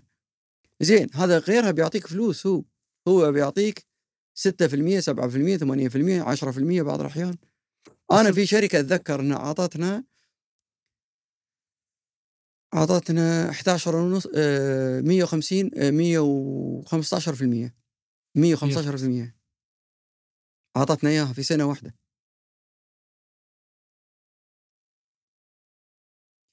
ف زين ما تطلب منك شيء الشركة. أنت موجود أنت موجود تأخذ فلوسك نهاية السنة. زين تبغي تبيع في نفس اليوم بس أنت حط order في 10 ثواني فلوسك زين تأخذ شيكك. أنا هذا أشوفه أفضل من إيش؟ لحظة. أفضل من business أنت مش حتقعد على رأسه لأن أنت أصلا ما أنت بفاضي. أو تنقصك الخبرة أو لا لا حتى لو ما تنقصك. أوكي. تقعد على أقول لك يعني مثلا بتسلمه فلان وفي الأخير يعني أما بإهمال أما بسوء زين نية في الإدارة أما أما أما وتخسر حلالك كله زين نيجي أقول لك للعقار طبعا العقار يحتاج يعني طبعا العقار لمين؟ الناس عندها رؤوس الأموال إي. يعني أفضل يعني أقول لك عنده وضع أفضل يعني يقدر يوفر الأرض ومن ثم يعني حتى لو اقترض عليها يعني 30% 40% أقول لك لكن العقار اليوم في قطر مهما كان لو مرض شوي ما يمرض يعني ما يمرض ثلاث سنوات أربع سنوات على التوالي. يعني كثير من الناس كانوا يقولون بعد كأس العالم وال- والبومنج اللي صار هذا كله يعني أنا أقول لك يعني بيخسر العقار 50% ولله الحمد اليوم أقول لك يعني آه، لغاية اليوم طبعا هذا فيها سياسة دولة. يعني تشكر عليها وأقول لك يعني حافظت على اتزان السوق؟ حافظت على اتزان السوق أقول لك أنا مر علي يعني مر علي ناس يسألوني لليوم عن مثلا بيوت الإيجار. قال حصلت بس غالية يعني أغلى من العام الماضي الإيجار أغلى من يوم يعني أغلى من سنة كأس عالم مثلا. وفي شورتج في السوق بيوت أنا أتكلم. إلى اليوم طبعا عشان ما أكون مبالغ. في يعني اوفيسز لليوم موجود. يعني مثلا في السوق. يعني ما امتص السوق كامل. بس أنا متأكد وهذه الحالة لأن مرت علينا في 2008 وكان لأن إحنا بحكم شركة التأمين اللي أنا عضو في مجلس إدارة في قطر التأمين ندرس السوق حتى السوق العقاري. واتذكر إن مدير الاستثمار عندنا كان يعني متخوف ويقول لي عندنا مليون متر في قطر يتكلم عن قطر مليون متر مليون square متر مربع موجودة في السوق فايض في ال offices بعدها ثمان شهور أو تسع شهور قال لي إن هذا الرقم انتهى. والمليون راح ورجع السوق بنى أقول لك يعني أرقام جديدة أقول لك أسعار. فأنا متفائل جدا يعني ب 2030 قطر 2030 ومتأكد أن قطر يعني عندها مشاريع و وفيه إدارة حكيمة زين أقول لك عراسة سيدي سمو الأمير. يعني كل هذه مدروسة والعقار بخير وسوق الأسهم بخير. أصحاب رؤوس الأموال المتوسطة وما دونهم دائما عندهم شك. ونقرأ هذا في الإعلام يعني. سواء هنا أو في مناطق أخرى أنه هوامير المال يتلاعبون في أسعار العقار وال... وأيضا الأسهم دائما بحيث أن أنا ما أحس بثقة لما أدخل هذا السوق. لا لا. شوف الله يسلمك. إحنا قلنا إذا سوق المال اللي هو سوق الأسهم أوكي في شيئين في شيء اسمه المضاربة. هاي كل يوم بتكون موجودة وما تقدر تمنعها. يعني أنت ما تقدر تمنعها. وهذا يخسروا فيها ناس كثير. لا وربح فيها ناس. نعم. لكن هي مثل ال gambling يعني. هي مثل ال gambling أنت تشتري سهم وأنت ناوي تبيعه بكرة أو بعد بكرة ما تدري ينزل ولا يصعد. أنت مثلا تقول والله حسب المعلومات أوكي اللي عندك أو, أو إني بدخل فيه وأقول لك يعني مثلا إذا سويت فيه 10% 12% 7% 8% بطلع منه وكلها يومين. ويومين إنك أنت يعني تدور فلوسك و7% ترى رقم رهيب حتى لو 1.5% يوف- يوفي وياك يعني. لكن أنت مالك دعوة فيه. أنت أنا قصدي إذا اشتريت سهم إذا اشتريت سهم وبناء على نصائح ناس أنا أتكلم عندها ذمة وعندها خ... وعندها خبرة في هذا المجال وفي خبرة بمعنى سنوات. أنا ما أبي أذكر أسماء شركات على أساس إنه يعني ما أكون يعني مثلا أروج الشركات على حساب شركات أخرى. لكن هم أقول لك يعني الشركات اللي القديمة المحترمة اللي سنويا تعطي عوائد وكل مالها تصاعدية وكل مالها والسهم نفسه اليوم بسعر والسنة الجايه بسعر والسنة اللي بعدها بسعر ودائما محافظ على قوته. هذه الأسهم لو اشتريتها أنت بكرة ارتفع بعد بكرة آه، نزل أنت مالك دعوة. خلاص أنت اشتريته انساه. لا تتابع يعني لا تزعج نفسك بك يعني كأن تقول اليوم أنا فلوسي صارت آه، خلينا نقول 150 ألف بكرة 140 بعد بكرة 152 أنت لا تحسبها بهالطريقه أنت احسبها نهاية السنة كم بيكون عندك. وكم زين شيك الأرباح اللي بتحصل عليه.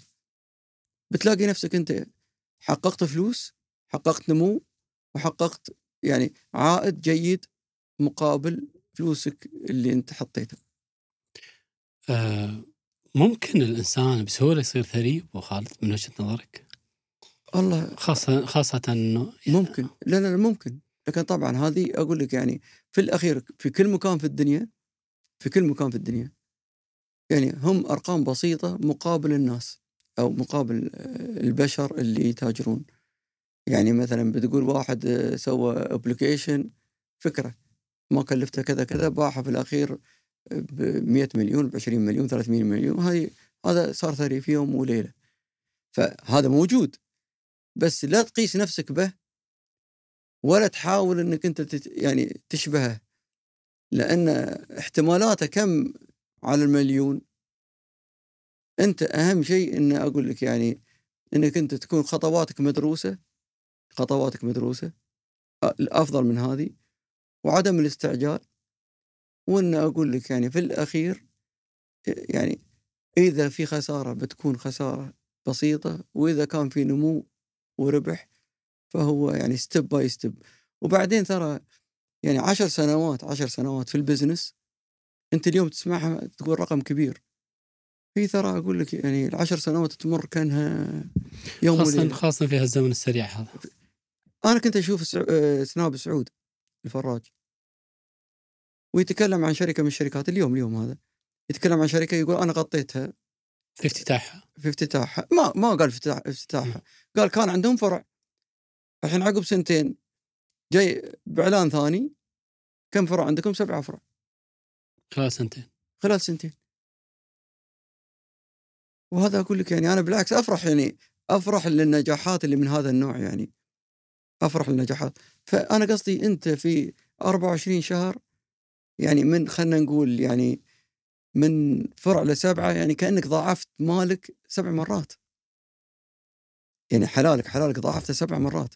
لأن إذا قلنا هذا قيمته مليون الآن عندك سبعة مليون. لو قلنا قيمته مئة ألف هاي سبعمية ألف في سنتين. وفي قطر. البركة من الله في الأخير. البركة من الله. لكن أنا أقصد لا نستعجل نقول يعني مثلا أبغى أكون ملياردير أو أبغى أكون مليونير في يوم وليلة. طيب إحنا فتحنا باب الرياضة فتحنا باب الاستثمار. الحين نفتح باب الخاص. تفضل. بعض الأسئلة الشخصية. عادي من عادي آه، فرصة استثمارية ندمت عليها وانت دخلت عليها. وفرصة استثمارية أخرى كانت بالنسبة لك يعني حققت لك فرحة كبيرة. تذكر شيء من هذا الجانب ولا؟ والله واجد ترى يعني أقول لك. الفرص الفرص اللي جات وراحت يعني إيه. واجد. واجد. أكيد يعني. في خسارات حققت مثلا مريت فيها ولا دروب ولا؟ أكيد مم. أكيد. بس شوف أنا الحمد لله رب العالمين يعني متصالح مع نفسي. مم. يعني متصالح مع نفسي فعلا يعني. فاللي بعته اللي بعته حتى لو يعني حقق مثلا بعد رقم بيعه حقق الله يهنيه ويرزقه. يعني والله والله العظيم ما عمري أقول لك يعني ما عمري تحسفت. يعني أقول الحمد لله رب العالمين. يعني على اللي حصلته أنا أنا أقول لك راضي فيه. أما عندي تجارب واجد يعني فيها يعني أرقام يمكن تصرعك يعني. تصرع تصرع أبو ياسين. والله العظيم ترى شو تتكلم أنت؟ يعني بس الحمد لله رب العالمين. ما حد أقول لك يعني أنت ما تدري. ما تأثرت مثلا لا، لا،. نفسيا لا، سواء لا، لا، ربح. طافك أو خسارة لا لا لا, لا. ابدا ابدا والله. مم. والله ابدا. يعني مع إني أنا أقول لك يعني أنا لما بعت خلينا نقول أنا لما بعت ذاك اليوم هم بهذا سعر السوق بلا هو سعر السوق ما انظلمت فيه. تضاعف بعدها بيومين تضاعف بعدها ب 10 أيام تضاعف بعدها ب 100 يوم الله يهني راعي يعني أنا هذا كان قراري في ذاك اليوم والحمد لله رب العالمين وكنت راضي منه. انتهى الموضوع. ما حد استغلني مثلا. ما حد كذب علي. لا. هذا رزق. وفي نفس الوقت أقول لك يعني مثلا اشتريت شيء أقول لك تضاعف 10 مرات وتضاعف 20 مرة وتضاعف 30 مرة الحمد لله والبركة من رب العالمين. الحمد لله. أفتخر أقول لك يعني أفتخر بنجاح بالنجاحات اللي تحققت لي أو في نفس الوقت يعني في الأشياء اللي أنا اسستها في الأشياء اللي أنا ف يعني في ناس يقعد يفكر أنا بعت أنا لا تفكر في هذه خلاص.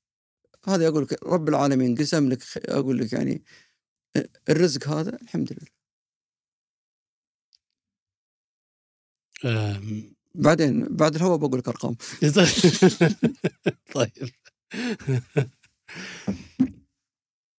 آه، أبو خالد تشجع عيالك على الاستثمار أيضا؟ يعني تدعمهم ولا معطيهم ال- لا أكيد. يعني معطيهم الحرية مثلا؟ لا, لا أكيد. يعني ويشاوروني ونجلس ونتناقش وعندهم أفكار طبعا بعضها يعني مثلا أعيدها بعضها أنا يعني يعني يكون عندي تحفظ عليها أقول لهم مثلا ادرسوها مرة ادرسوها مرتين أكثر. هم يكون يمكن عندهم قناعات لو كان عندهم قناعات أقول لهم توكل على الله. طيب آه ليش تركت رياضة القنص؟ كنت أنت يعني صاحب صيد وطيور و... لا هو القنص الله يسلمك آخر سنة آخر سنة كانت سنة تركمان تركمانستان اللي هي 2006 آخر سنة قفلت. لا إي. وقنصت الله يسلمك يعني قبل رمضان ودخل علينا رمضان وأنا وأنا قانص ورجعنا قبل العيد تقريبا أتذكر يعني. بس ما كان يعني الأرقام اللي كنا نصيدها صار يعني وصلنا لمرحلة مثلا كل ثلاثة أيام نهد على واحدة على ثنتين ف ما صارت ممتعة مثل؟ لا ما صارت يعني وورثت مثل ما يقولون تسوى يعني مم.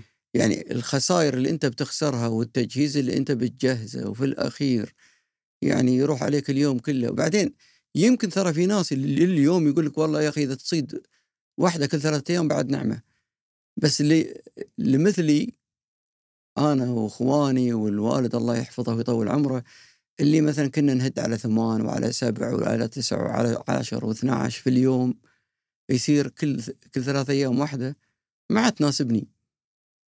فمن هني مو أنا الوحيد اللي قررت يعني الوالد قرر إنه ينسحب يعني قال ما عاد ما عاد تسوى. عبد العزيز الله يحفظه كان يقنص أقول لك أنا وياه نقنص سوا أقول لك بعد نفس الشيء قرر نفس القرار وأنا أخذت نفس القرار. فهونا وبنفس الوقت أصلا يعني الحكومة التركمانية غيرت استراتيجيتها بالنسبة لأعطاء الرخص لأن هذه الرخص كانت تجينا سنويا تتجدد. يعني كل كل شخص باسمه كانت تنزل له رخصة سنوية. يعني مثلا الوالد الله يحفظه كان له رخصتين حمد الله يغفر له حمد بن خالد الله يغفر له كانت تنزل له رخصة. من البحرين كان محمد بن عيسى كانت تنزل له رخصة الله يغفر له. آه مو آسف استغفر الله راشد بن عيسى آه الله يطول عمر محمد. أو راشد بن عيسى كان الله يغفر له كانت تنزل له رخصة.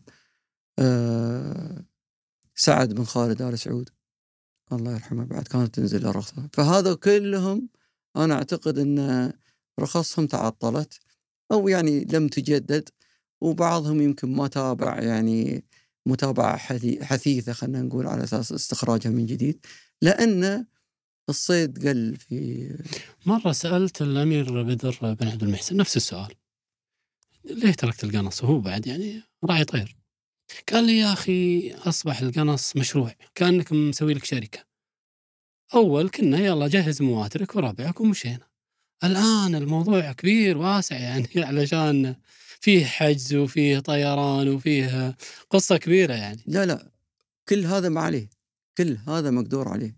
أنت الآن تبي رخصة رخصة الدولة. اللي بتروح ت- يعني شوف الله يرضى عليك. شيباننا الأول كانوا يقنصون في قطر. يعني جدي و... وعدي. كانوا يقنصون في قطر ما يتعدون قطر والحباره موجودة. بعدها صار المقناص طبعا يعني قطر خ... قل فيه فيعني يهدون في الصفري في قطر. مثل ذا الوقت يعني مع مو بذا الوقت يعني خلينا نقول بداية عشرة ستة عشرة سبعة عشرة خمسة عشر تبتدي الحبارة تلفي. وعقب المقناص يكون في السعودية بس ما هو في شمال السعودية. كانوا يقنصون الجافورة و... والربع الخالي ويعني حتى ما يوصلون نجد. بعدها قاموا يتقدمون. إلى وصلوا شمال السعودية؟ وكان طبعا السعودية يعني مفتوحة يعني تستقبل هالقطر أقول لك يعني يعني بكل ترحاب يعني حتى. وأتذكر لما صار السعودية يعني حطت موسم موسم موسم صيد اللي هو يعني أعتقد من 15 آه، 12 إلى 15 وا- آه، اثنين يمكن. هذا موسم الصيد بس. هذه يعني جات فترة بعدها يعني. عقب السعودية أصلا بعد قل قلت فيها الأحبار. فصار ربعنا يقنصون وين؟ يعبرون أما- باكستان لا إيران. لا إيران. مم. هاي مراحل. إيران. كانت الستينات كلها إيران. أنا الحين شوف وصلت الستينات. نعم. وبعدها صارت العراق. لما إيران صار أقول لك يعني وقفت الرخص على ربعنا يعني طبعا كلها حماية لهذا الطائر يعني. كل من كل دولة تبتدي أقول لك يعني تحط نظام أقول لك يعني اللي هو حماية البيئة و... والطيور المهاجرة والحيوانات ال- اللي موجودة أقول لك يعني في ال- في الأرض يعني مثلا كان ظبي إن كان وعل إن كان كل أقول لك يعني هذه كلها تتبع لشيء اسمه أقول لك يعني البيئة الفطرية. المهم فصار العراق أنا أتذكر أبوي يعني كان يقنص الله يحفظه من 75 قنص مع الوالد؟ لا لا 75 76 77 78 79 هاي كلها العراق أنا كنت صغير ذاك الوقت. بس أتذكر تحضيرهم للقنص. وعندي الشغف وعندي أقول لك الحماس لكن أنا صغير وبمدارس ذاك الوقت. أنا بديت 82 العراق بعد وقف. بديت آه، مع الوالد ولا؟ مع الوالد. نعم. 82 بس كنا إيش؟ ينتظرنا لرخصة المدارس مالت العطلة الشتوية. نعم. وإحنا يعني نلتحق فيه. وين كان أي؟ باكستان. باكستان. بعد العراق شوف بعد العراق وقف الرخص ذاك الوقت أتذكر يعني في وكان في عهد صدام الله يرحم صدام يعني. يعني بدأ أقول لك وقف الرخص. وبدينا في باكستان. وكان يعني وكان المقناص يعني بالنسبة لنا يسوى.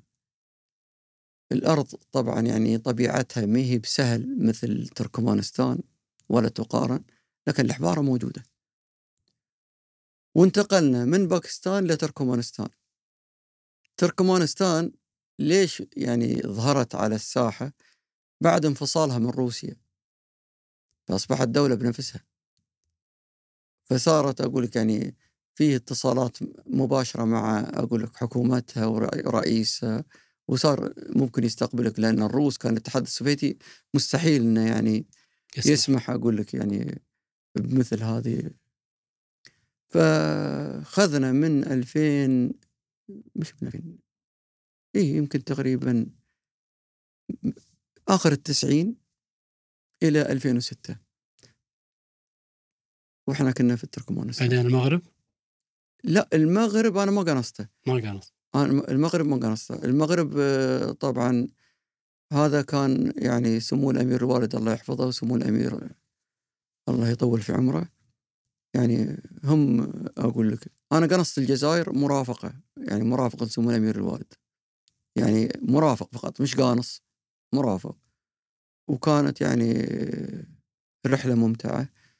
يعني طبيعة الأرض جميلة جدا.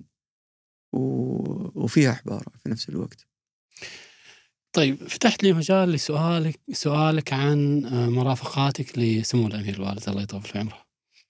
رجل دولة آه، قائد من طراز فريد وبنفس الوقت صاحب نكتة طرفة حاضرة وبساطة ومعرفه في الناس وفي أساميهم وفي القبائل وكذا. الأشياء اللي شدتك، الأشياء اللي تعلمتها، بعض التجارب مع سمو الأمير الوالد اللي تعلمتها يعني أو بعض ذكرياتك. لا هو أهم نقطة أهم نقطة يعني يسموه الأمير الوالد أنه قائد بمعنى الكلمة يعني وبعدين يعني صاحب قرار صاحب قرار يعني و له يعني أولا نظرة أكيد أنها تختلف عن يعني عنا إحنا كلنا يعني أنا أتكلم عن عن كل مساعدينه. و- وعنده يعني اللي إحنا نعتبره طموح هو بالنسبة له يعني تارجت هدف يعني و- وإذا نواة بيحقق يعني مثلا خليني أقول لك يعني تجربة الأسياد في البداية يعني بحكم أني أنا كنت موجود فيها وأنا رئيس اللجنة الأولمبية يعني قدم على الأسياد انتهى الموضوع وهذا الكلام قبل شهرين شهرين يعني بيكون يتسكر ملف وانت وليت. الملف هذا. لأني أنا. كنت رئيس اللجنه الاولمبيه نعم. يعني أنا مش لأنه اختارني أنا رئيس اللجنه يعني أنا الشخص المعني فطلبني في مكتبة الله يطول في عمره قال لي قدم على الأسياد كذا نقطة أول سطر يعني. شيكنا عينا باقي شهرين أصلا يعني لو هو قال لي قدم على الأسياد بعدها مثلا ثلاث قبل يعني بعد هالكلام ثلاث شهور أصلا ما أقدر أقدم. بيكون لازم انتظر أربع سنين. يعني هي صدفت إن لو أنت تشوف إمكانيات قطر في سنة الألفين مقابل كوالالمبور اللي هي أصلا كانت مستضيفة ألعاب اسمها ألعاب الكومنولث قدمت فيها إمكانيات ما تقدمها دولة في الأولمبياد. هم شافونا يعني كأن إيش أقول لك يعني ينظرون لنا يعني باحتقار كيف قدمنا وإحنا يا كوالالمبور مقدمين. هم كوالالمبور قدمت قبلنا. في نفس الوقت كانت هونغ كونغ مقدمة ودعم من الهند دعم من الصين آسف. الهند مقدمة. كلهم يتقدمون زي قطر ما كان فيها إمكانيات. قال لي قدم. فيعني إنك انت ترى قائد يعني يكلفك بمثل هذا الملف وفي نفس الوقت يعني يعطيك كل الدعم وكل الإمكانيات هذا شيء مش بسيط. نيجي من كان يتصور إن قطر تقدم على ملف فيفا 2022 يعني اليوم اليابان وكوريا اليابان وكوريا تشاركت بطولة واحدة. اليابان اللي هو يعني ثالث أقوى اقتصاد في العالم اليوم بعد أمريكا والصين. اليابان تشاركت في ملف وهذه الدولة الآسيوية الوحيدة اللي قدرت أنها تحصل على حق استضافة يعني قبلت باستضافة مشتركة. اليوم أنت لو تشوف قطر وتشوف أصلا يعني ردة فعل وأصداء العالم العالم. لما قالوا قطر هي اللي تستضيف الناس كانت تدخل تشوف وين قطر هذه. يعني ما مش مثلا خلينا نقول فرنسا ما قلنا مثلا إنجلترا ما قلنا مثلا الولايات المتحدة ألمانيا أسبانيا. تعرف الدول اللي عندها الإمكانيات لاستضافة مثل هذه الأحداث العالمية. وواجهت عشر سنوات أكثر من عشر سنوات من التشكيك أنها ما تقدر بغض النظر أنا لا لا أنا الحين اتركني من التشكيك واتركني من الطعن واتركني من هذا كله. أنا أقول من يقدر حتى يكون فقط عنده الفكرة. فكرة أن أنا أستضيف هذه غير واردة. لو عند قائد غير سمو الأمير الوارد صدقني غير واردة. لأنه يعني هي أصلا خارج المنطق خارج المنطق يعني خارج الصندوق بعد لا لا لا خارج المنطق يعني ما تقدر ما يصير يعني هي فعليا ما يصير. لكن يعني آه، أنا أقول لك يعني مش طموحه تارجت أنا بستضيف يعني بستضيف وفعلا حقق هذا. والحمد لله رب العالمين يعني آه، سمو الأمير استلم الملف. الله يحفظ الشيخ تميم. يعني سمو الأمير الوالد يعني جاب حق الاستضافة لقطر وسمو الأمير يعني أدار هذا الملف بكل حكمة وحقق يعني اللي ما في حد كان يتوقعه وكان تحدي وأنا سمعته بنفسي والكل سمعه. قال قطر بتحقق أفضل نسخة في استضافة كأس العالم وفعلا يعني هذه اليوم أنا لما أقولها مو مدح لبلادي وأنا قاعد أتم... لا هذا كان تقرير الفيفا. وقال طويل العمر قبلها بثلاث سنوات.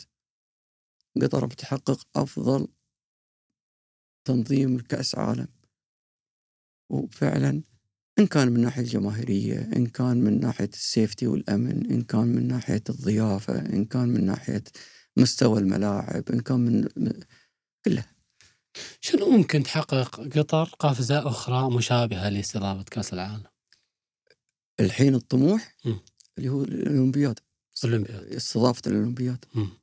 هو طموح وهو هدف في نفس الوقت طبعا وأنا يعني ما ما أفشي سر يعني معلن. يعني قطر بإذن الله تستضيف آه، الأولمبياد أه وهي ترى لا تقل لعلمك يعني يمكن في كثير من الناس عندهم إن استضافة كأس العالم كوزن هي يعني أهم حدث على مستوى العالم يكون كل أربع سنوات أنا أشوفه في الميزان أولمبياد لأن مجموع كل الرياضات رياضة. والألعاب.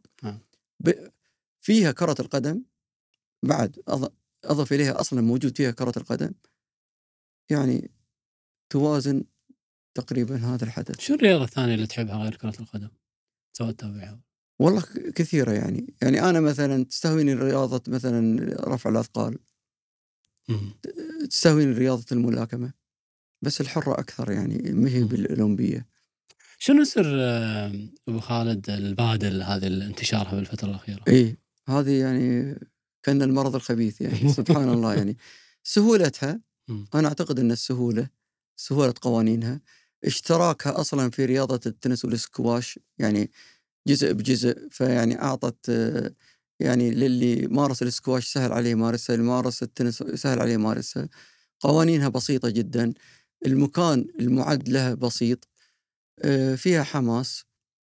فانتشرت طبعا هي في أوروبا انتشرت في أسبانيا كثير. أنا أشوف أن في الخليج قطر والكويت يمكن أكثر آه، دولتين.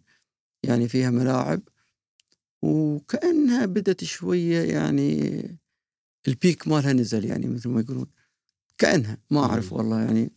بس أنا عندي كثير من الشباب يعني يمارسونها أنا ما مارستها ترى. آه كثير تستشهد بالكويت أبو خالد، تعني لك الدولة شيء يعني؟ والله أكيد. يعني شوف أنا كل دول الخليج أحبها أول حاجة يعني. كل دول الخليج يعني تعني لي. وأنا أشوف أن الخليج كله يعني كأن دولة واحدة. أنا ما أشوف يعني كلمة مجلس التعاون الخليجي أنا اليوم يعني انتقلت منها إلى أن نقول يعني إحنا بلد واحدة ثقافة واحدة آه، مشتركين في الدم مشتركين في المذهب مشتركين في الدين في كل حاجة في اللغة. إحنا دولة واحدة يعني في الأخير. عندي صداقات في كل مكان. أكيد أن يعني من 2017 إلى الآن يعني أصبحت الكويت آه، أقرب لي من ذي قبل يعني. صار عندي صداقات أكثر في الكويت آه، صرت أعرف البلاد أكثر زياراتي لها تكررت أكثر. فهذا يمكن قبل هذا طبعا أنا كنت يعني زياراتي القصيرة كلها كانت يعني مقتصرة على الإمارات والسعودية يعني. دبي بالأخص و... ومكة وجدة في السعودية. سفرك أبو خالد يعني أعتقد إنك لفيت كثير من دول العالم. و ما ثبت على منطقة معينة بخلاف لندن شوي يعني لها لها مكانة خاصة في حياتك. بس تتنوع في دول حتى تروح لدول يمكن ما فيها إمكانيات السياحة يعني هل عندك وجهة نظر في هذا الموضوع؟ أنا أقول ولا حب استكشاف؟ التجربة. يعني التجربة. عندي حب التجربة. يعني وأقول حق ربعي كلهم. يعني دائما اللي يناقشني أقول له إذا بلد زينة أنت سجلتها عندك و- وأخذت التجربة هذه وعيدها مرة ثانية و- وأذكرها لمن تحب يعني. وإذا كانت التجربة سيئة يعني عندك أن أنت والله تقدر يعني تشيلها من الليست اللي عندك و... وتنبه عليها أصدقائك أنه والله هذه مثلا بلد يعني ما تصلح للتجربة. فأنت كسبان في يعني كسبان المعرفة في الحالتين. بس رحت البلدان أنت تدري أن هذه البلدان مو مهيئة للسياحة. صحيح. يعني أنا أغلبيتها في أفريقيا طبعا. أغلبيتها. وعندي تجارب في أفريقيا يعني مثلا النيجر. يعني من أفقر دول العالم وما فيها أي خدمات وأنا أتكلم 2006 يمكن اليوم أسوأ يمكن اليوم أفضل أنا ما أعرف. بس يعني نعم. كانت في ذاك الوقت أنا أقول أنها أنا يعني بدون سيرش أقول هذه يعني من تجربتي قلت هذه أفقر دولة يمكن تكون في العالم. وفعلا لما لما تابعت كانت هي من أفقر دول العالم. يعني يمكن يعني في بعدها دولتين أو دولة. آه، أفريقيا الوسطى من أفقر دول العالم. ما توجد فيها أي خدمات أنا أتكلم. يعني ما توجد فيها أي خدمات. يعني يعني البيسك مش موجود. آه هذه دولتين. طبعا في دول يعني فيها فقر لكن هي مكتظة بالسكان. لكن ممكن تشوف فيها فندق واحد. يعني مثلا مدغشقر دولة فقيرة ترى مدغشقر. بس يعني العاصمة في فيها عدد سكان كبير. آه مثلا آه دولة اسمها زائر سابقا. الحين اسمها الكونغو الديمقراطية. ترى هي في السابق كان اسمها زائر أول مرة أعرف أن الجزائر صارت هي الكونغو الديمقراطية. إيه، هذه إحنا هي. درسناها أنها جزائر إيه زائر الهي- الحين هي الكونغو الديمقراطية. ترى هي من أكبر دول أفريقيا واكثرها عدد سكان ومن أغنى الدول إذا تبغي أنت تشوف يعني يعني عندها البترول عندها الحديد عندها الذهب عندها ال- اليورانيوم عندها الغاز عندها كل شيء. لكن دولة فقيرة دولة فقيرة. يعني فيها فساد آه، كبير يعني. آه، بتيجيها يمكن اليوم بتلاقي يعني مثلا فندق تبات فيه ممكن يعني جيد يعني أنا أتكلم ممكن تلاقي فيها مطعم تاكل فيه. لكن مثلا الشوارع وازدحام العالم والفقر واضح. تطلع من هذه التجارب سعيد ولا يعني؟ لا أنا أنا كلها أقول لك أنا بالنسبة لي كل يعني شوف ولله الحمد أنا السفر بالنسبة لي فيه المتعة لأن أنا أهم شيء عندي اللي هو الصحبة ال group الموجود وياك أوكي؟ آه يعني مثلا تغيير الجو تغيير مثلا السكن تغيير الأكل. أفضل يعني شروطك في المكان اللي تسافر فيه أو شروطك في السفرة؟ ما عندي شروط. ما عندك شروط. ما عندي شروط. أنا قلت لك يعني, يعني تحب مثلا المكان اللي فيه مطاعم زينة ولا أكيد. أسواق زينة آه هذا لحظة لحظة. هذه في الاختيارات. نعم. بس مثلا عندي استعداد اليوم أروح مثلا بوروندي. أنا ما رحت بوروندي لغاية اليوم. وحاطها يعني في في ال list. لأن أنا الفكرة اني يعني ألف في العالم كله يعني. فعندي استعداد إني أروح بوروندي حتى لو أعرف إن بوروندي مثلا ما عندها إلا فندق نجمة واحدة. بس على أساس إني أتم التجربة يعني. فما عندي شروط يعني. بس إذا أنت تتكلم عن إجازاتك اللي أنت تبغي تستمتع فيها هذا موضوع ثاني. أنا أحب المدينة.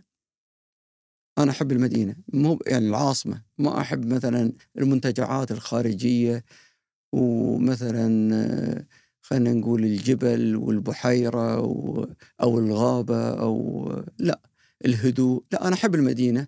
أحب الصخب.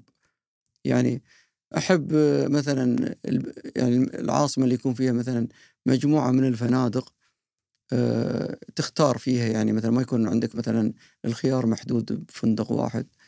آه، طبعا كل ما تنوع مثلا cuisine المطاعم بالنسبة لي أفضل.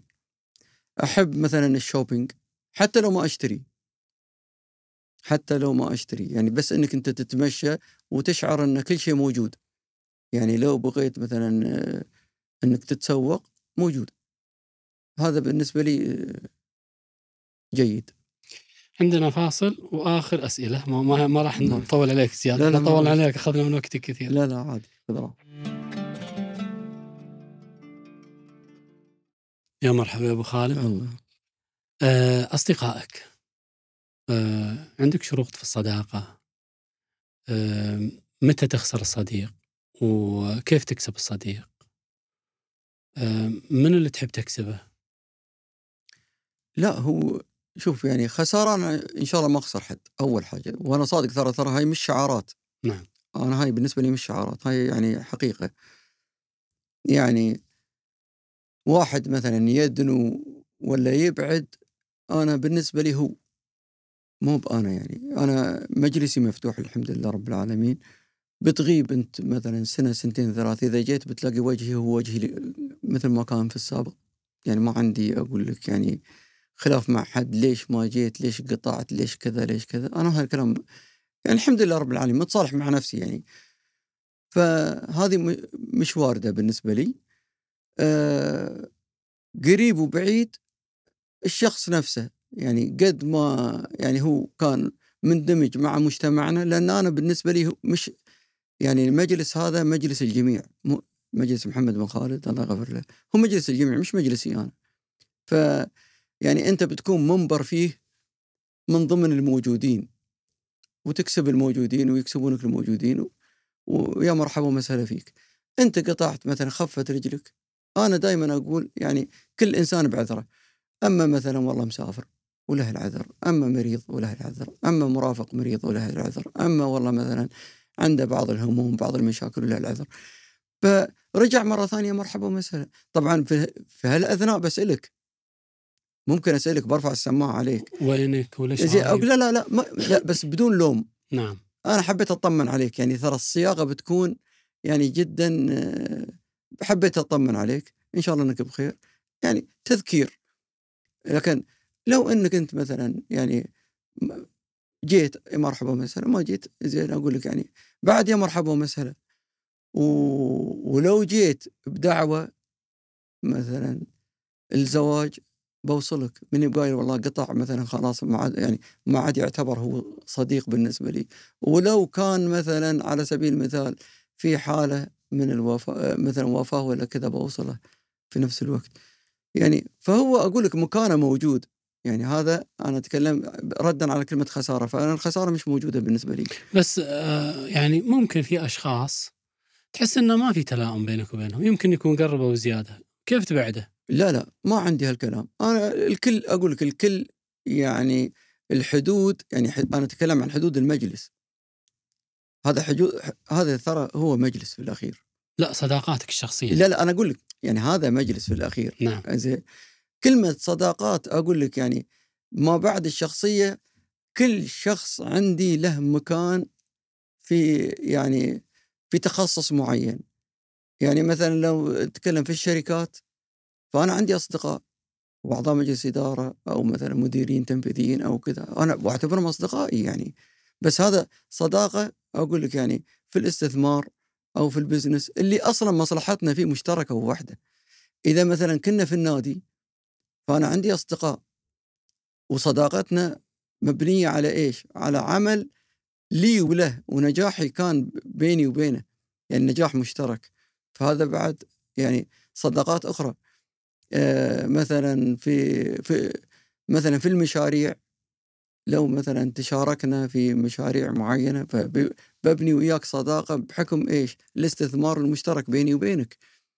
فصداقات الطفولة هي صداقات طفولة يعني مثلا لها لا علاقه زالت موجودة؟ موجودة. إي. ما ابدا. هم اصدقائك ما إي، تغير فيهم؟ لا مش ما تغير بس أنا عندي أصدقاء من الطفولة. نعم. طبعا يعني يمكن كانوا 30 شخص بس بقى منهم خمسة ولا ستة. يعني هذول مثلا بعضهم قبل المدرسة يعني قبل ان ندخل المدرسة سوا إحنا مع بعض. ولغاية اليوم إحنا موجودين. قلت مرة أن أنت يعني دائرة علاقاتك وصداقاتك تتسع ما تضيق إيه اتفقنا عليها هذه. نعم. أي أقول لك لذلك لذلك أنا أقول لك هالكلام يعني. ف يعني كلمة صديق ترى محدودة عند ناس واجد يعني فلسفيا الصديق هو اللي كذا وكذا وكذا وكذا. لا. أنا أقول إن الصديق يعني كلمة شاملة. الصديق كلمة شاملة. يعني مثلا علي مسعودي بالنسبة لي صديقي لكن يعني مثلا وعندي شخص أقول لك يعني صديق طفولة. علي المسعودي أنا اعرفه مثلا من خمس سنوات ست سنوات. بس يكفيني ان أقدر اقيمه أنه صديق. زين واللي صديق الطفولة صديق. يعني فهل بتقول لي الصديق هو صديق الطفولة فقط؟ وبتقتصر على هذا الكلام؟ لا غلط أنا أشوف. يعني أنا فلسفيا يعني بالنسبة لي ما ما ما تنحسب بهالطريقة. طيب أبو خالد آه، في سفرك لندن لها وقع خاص في نفسك ومكانة خاصة؟ في سفرك إيش السلوى المهمة جدا في نقاشاتك؟ سواء في السفر أو في المجلس. أنا يعني ألاحظ أن أنت تحب الحديث عن الشعر بشكل خاص. تحب الحديث عن التاريخ. يعني ولاحظ أن أنت عندك معرفة واطلاع قوي في تاريخ الإسلامي. بني أمية بني العباس شيء من هذا القبيل. بالنسبة لي السفر يعني هو كسر حاجز الروتين اليومي يعني. مع إن السنة الأخيرة سفرك قل أشوف يعني. لا والله الحمد لله يعني. مم. متوازن يعني مثلا كل ثلاثة شهور كل أربع شهور يعني أحاول إني ف يعني أنا كنت في شهر اثنين كان عندي يعني جولة اللي كان فيها إيطاليا وكان فيها النرويج. و- أيوة في هذه كانت واحدة. وكان في واحدة لندن. والصيف أخذت يعني 23 يوم تقريبا أخذتها الحمد لله توافقنا فيها يعني اللي كان الفترة اللي الحرارة فيها كانت جيدة يعني لأن الناس اشتكت في الصيف من شدة الحرارة يعني. هذه بس أرجع أقول لك بالنسبة لي يعني كسر الروتين. آه، كسر روتين مثلا البيت كسر روتين مثلا الشغل أو المكتب كسر روتين مثلا المجلس. آه، كسر روتين الأكل. اللي هو يعني أنا مثلا عشاي وهو الوجبة الرئيسية في مجلسي. فأنت أنا بالنسبة لي في السفر cuisine يعني مثلا اليوم بناكل مثلا بنروح مطعم هندي بكرة إيطالي بعد بكرة صيني بعد بكرة ياباني. فهذه يعني بعد يعني كسر روتين فيها. المشي ممارسة المشي أنا بالنسبة لي يعني أقول لكم يعني هاي أستمتع فيها.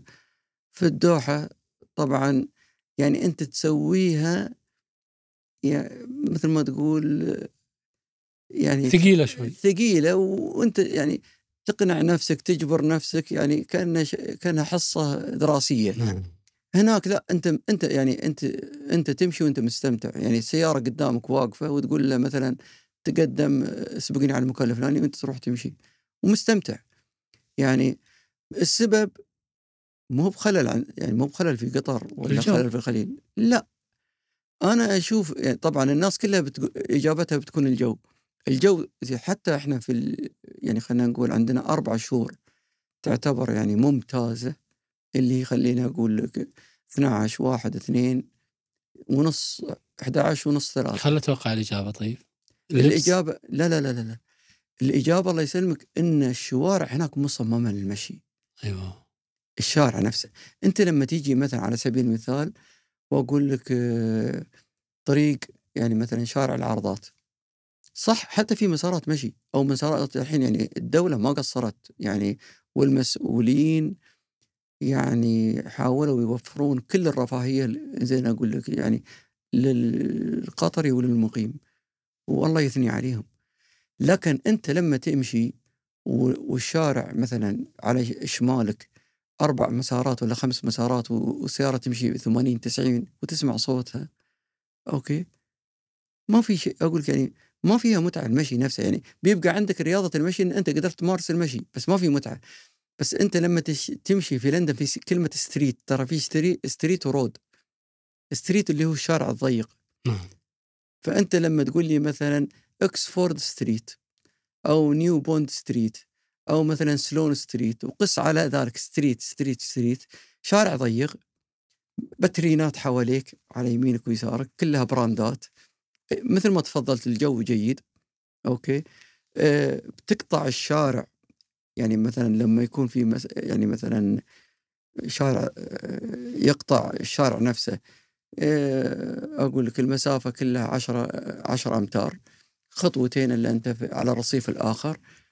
فالمكان أنت تشعر انه هو مكان مشي. يعني أنت أصلا تخجل إنك تقول بركب السيارة مثلا من اكسفورد لريجنت street أنت تدخل.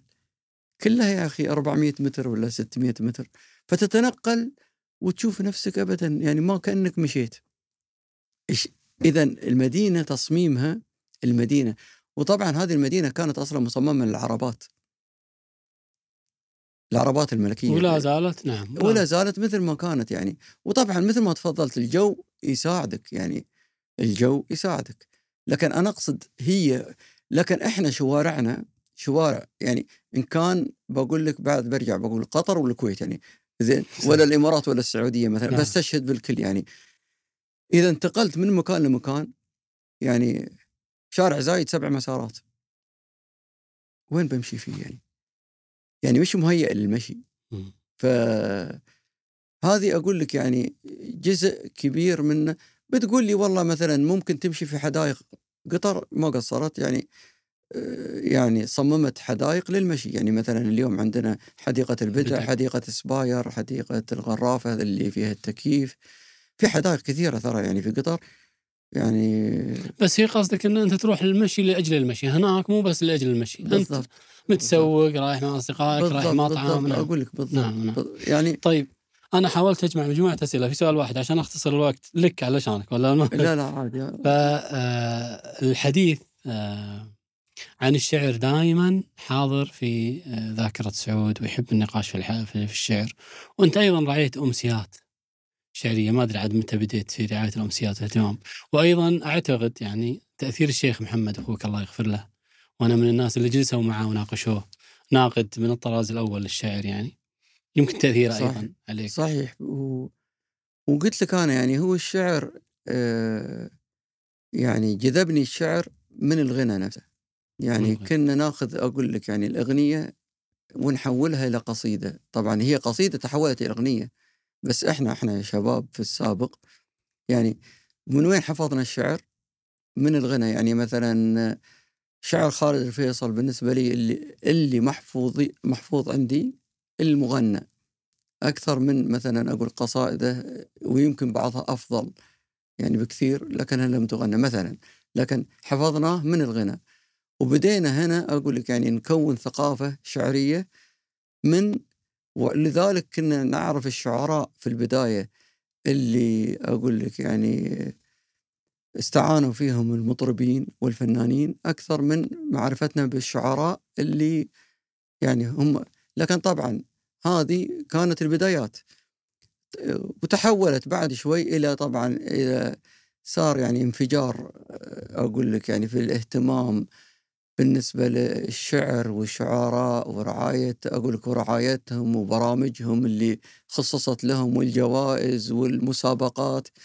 إلى أن أقول لك يعني صارت طفرة يعني وثورة شعرية بالنسبة ل يعني أنا أقول لك الخليج يمكن يعني على رأسهم قطر بقول أنا يمكن إذا بترجع للتاريخ بعد عشان ما أظلم حد الكويت كانت أول من اهتم بالشعر والشعراء بعد هذه يعني لها علاقة بالكويت وهذه ترى أنا نعم. أنا هاي قناعات يعني يمكن حد يختلف وياي فيها نعم. بس هذه يعني أنا هذا رأيي شخصي ترى يعني يؤخذ مني ويرد علي في كل بس هذا اللي أنا أقول لك يعني. أما من يعني معاصرة أما من بناء يعني رأي وفكرة أقول لك. أما من ما سمعته من أقول لك يعني من ناس سبقوني في المعرفة أقول لك في, في التجربة. يعني هي أقول لك قناعات يعني. فأكيد أن أقول لك يعني صار للواحد أقول لك يعني تذوق الشعر أكثر صار له معرفة أكثر بالشعر؟ أنا أعتقد أنه الشيخ محمد كان له دور في أكيد يعني و وسبقني أقول لك يعني في هذا المجال أقول لك و وكان له علاقة بشعراء أقول لك يعني أنا تعرفت عليهم من خلال آه، محمد شعراء في الخليج. شعراء في الخليج طبعا أقول لك. وكان أقول لك له صداقات وكان له مجلس شعر أقول لك يعني ويجتمع عنده كثير من الشعراء منهم من قطر ومنهم أقول لك من السعودية ومنهم من الكويت. و... وكانت فترة يعني يعني ثرية يعني. يعني أنا أتوقع أن أنت دائما تذكر آه، خالد الفيصل وبدر عبد المحسن لهم يعني وقع خاص في نفسك كشعر لا هي مدارس شعرية أكثر بعد يعني مدارس. هم, هم سعد بن جدلان.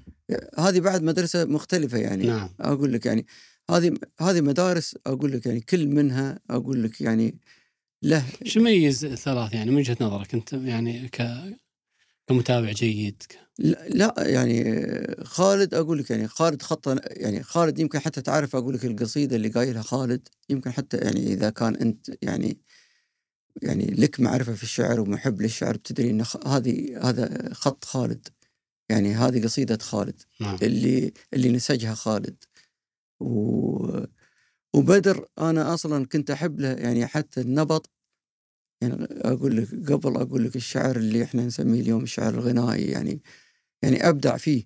طبعا لكن تحول إلى مدرسة يعني الكل يفتخر ان أقول لك إن هذا يعني خط أقول لك أو مدرسة يعني أسسها الأمير بدر بن عبد المحسن يعني وأبدع فيها.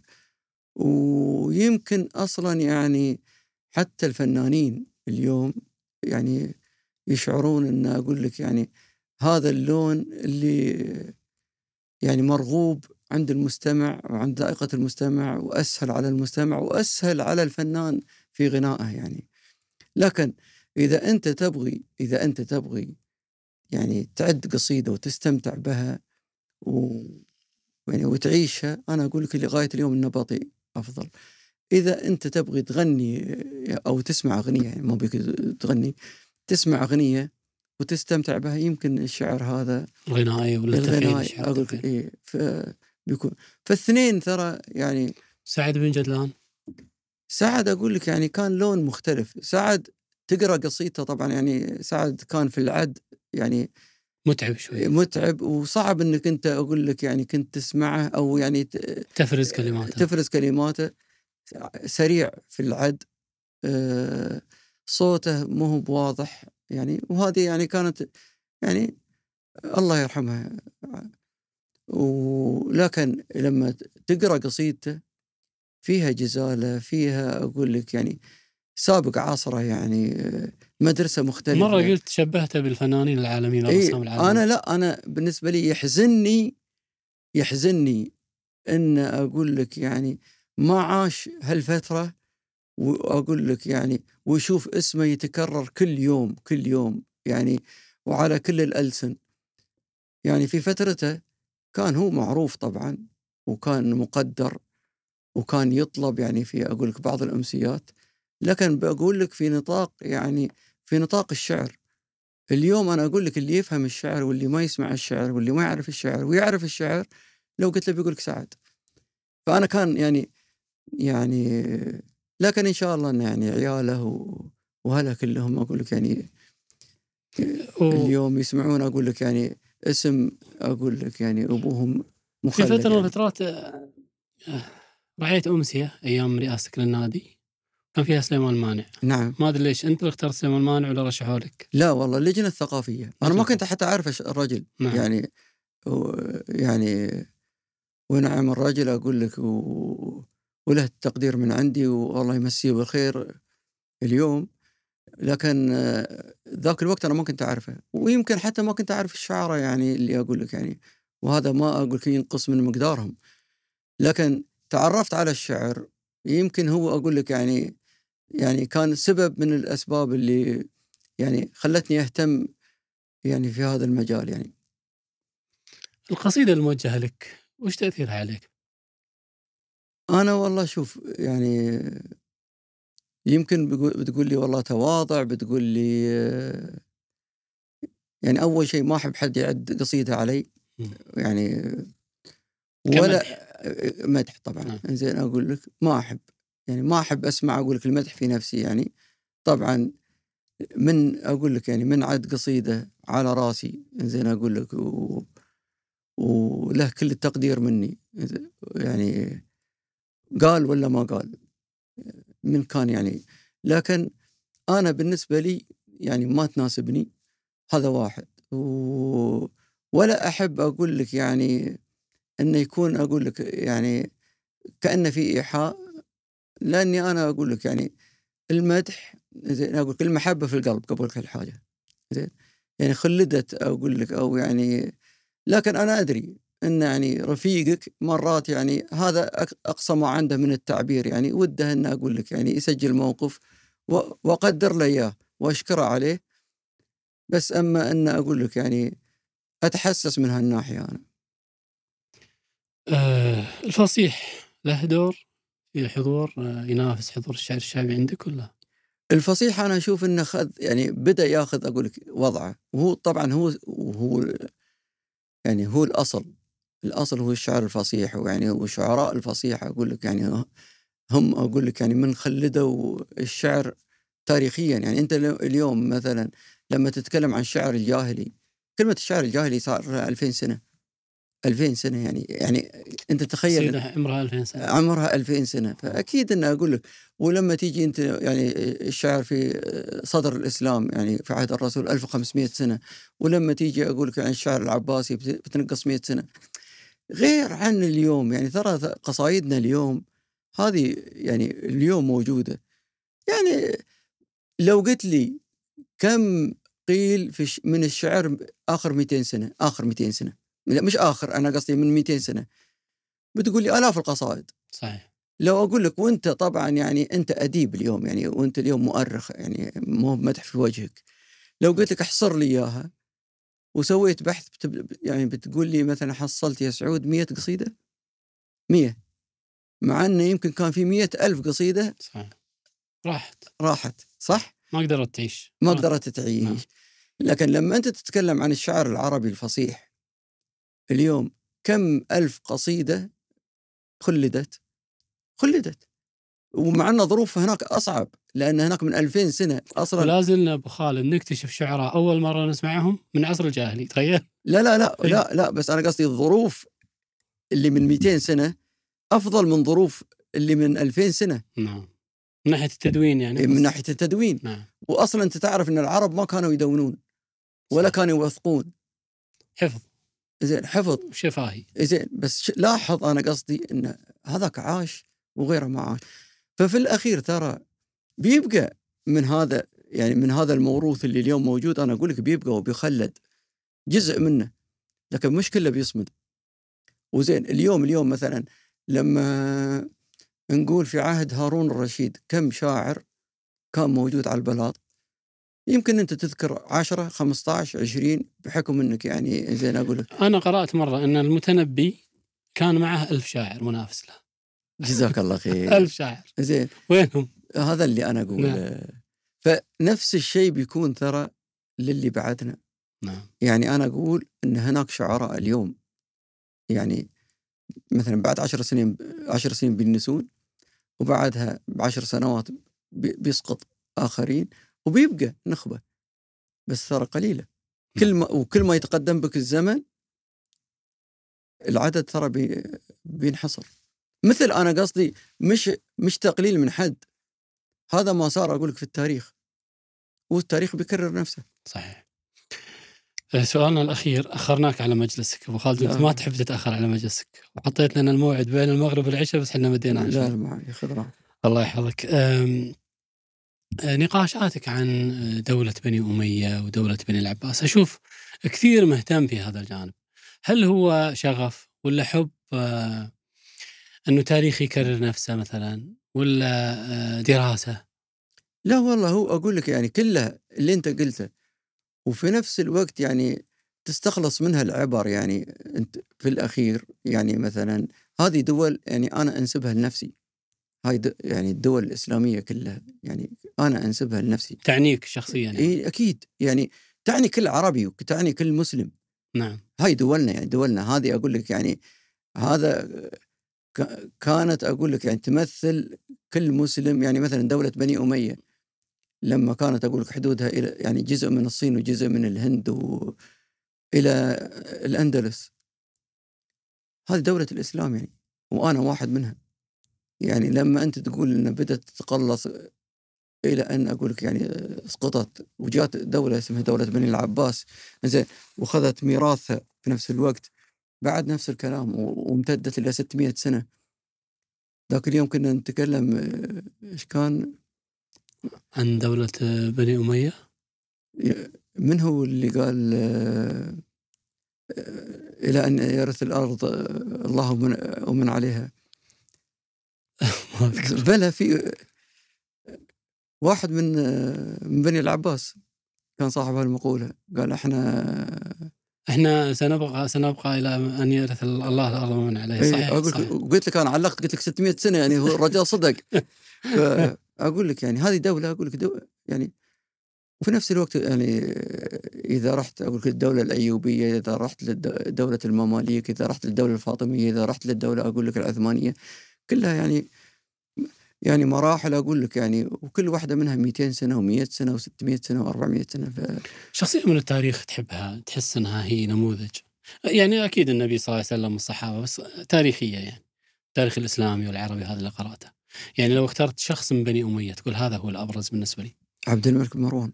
عبد الملك بن مروان. إيه. ليش؟ و- يعني هو أقول لك يعني هو المؤسس الحقيقي أقول لك يعني لدولة بني أمية. نعم. وبعدين واجه يعني كثير من الصعوبات يعني ما كان يعني ما ورثها مثل ما تقول بحجمها وباتساعها. هو أقول لك هو حكم الشام. أقول لك ومن الشام أقول لك يعني ورث أقول لك يعني ورث من بعده أقول لك يعني عبد الله بن الزبير اللهم ارضى عنه أقول لك يعني بدولته اللي كان تتبع له ما صارت تتبع له بس عبد الملك بن مروان آه، استخدم الحجاج. كيف؟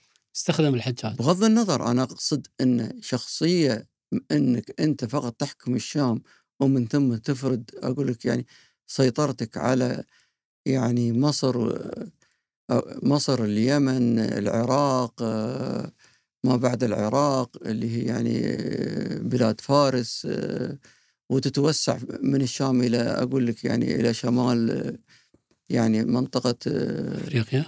لا لا لا اللي هي الشمال اللي هي يعني تركيا أجزاء من تركيا إيه. نعم.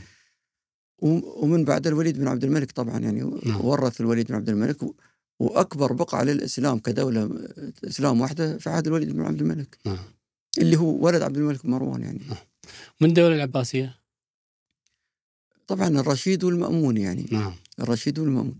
طبعا المأمون يختلفون عليه ناس كثر يعني زي ما أقول لك يعني على يعني بعض آه، الملاحظات اللي عليه يعني بسبب حربه مع أخوه مثلا. لا لا لا يعني خلق القرآن وأقول لك يعني بعض.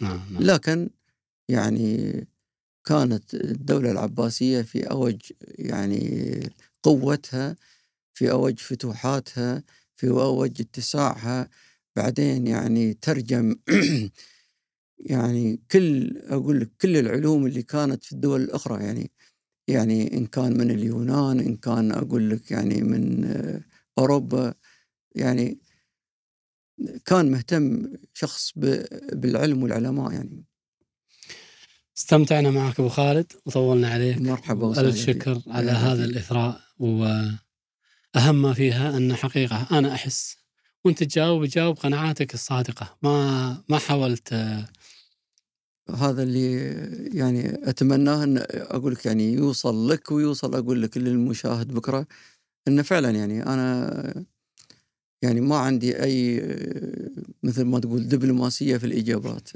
في الختام نشكرك آه، في بودكاست أبواب وبعد إذنك أشكر فريق العمل آه، مجد الدين صالح ومبين الأمين وبدر قهوجي راشد عيسى الهاجري وضيف معانا اليوم حاضر علشانك محمد ياسين صالح. مرحبا فيهم كلهم وأشكرهم كلهم جميع وأتمنى أن يكون ضيف خفيف وأتمنى البرنامج بودكاست أبواب إن شاء الله كل التوفيق وكل النجاح وإن شاء الله أن تكون يعني حلقاتها ترند.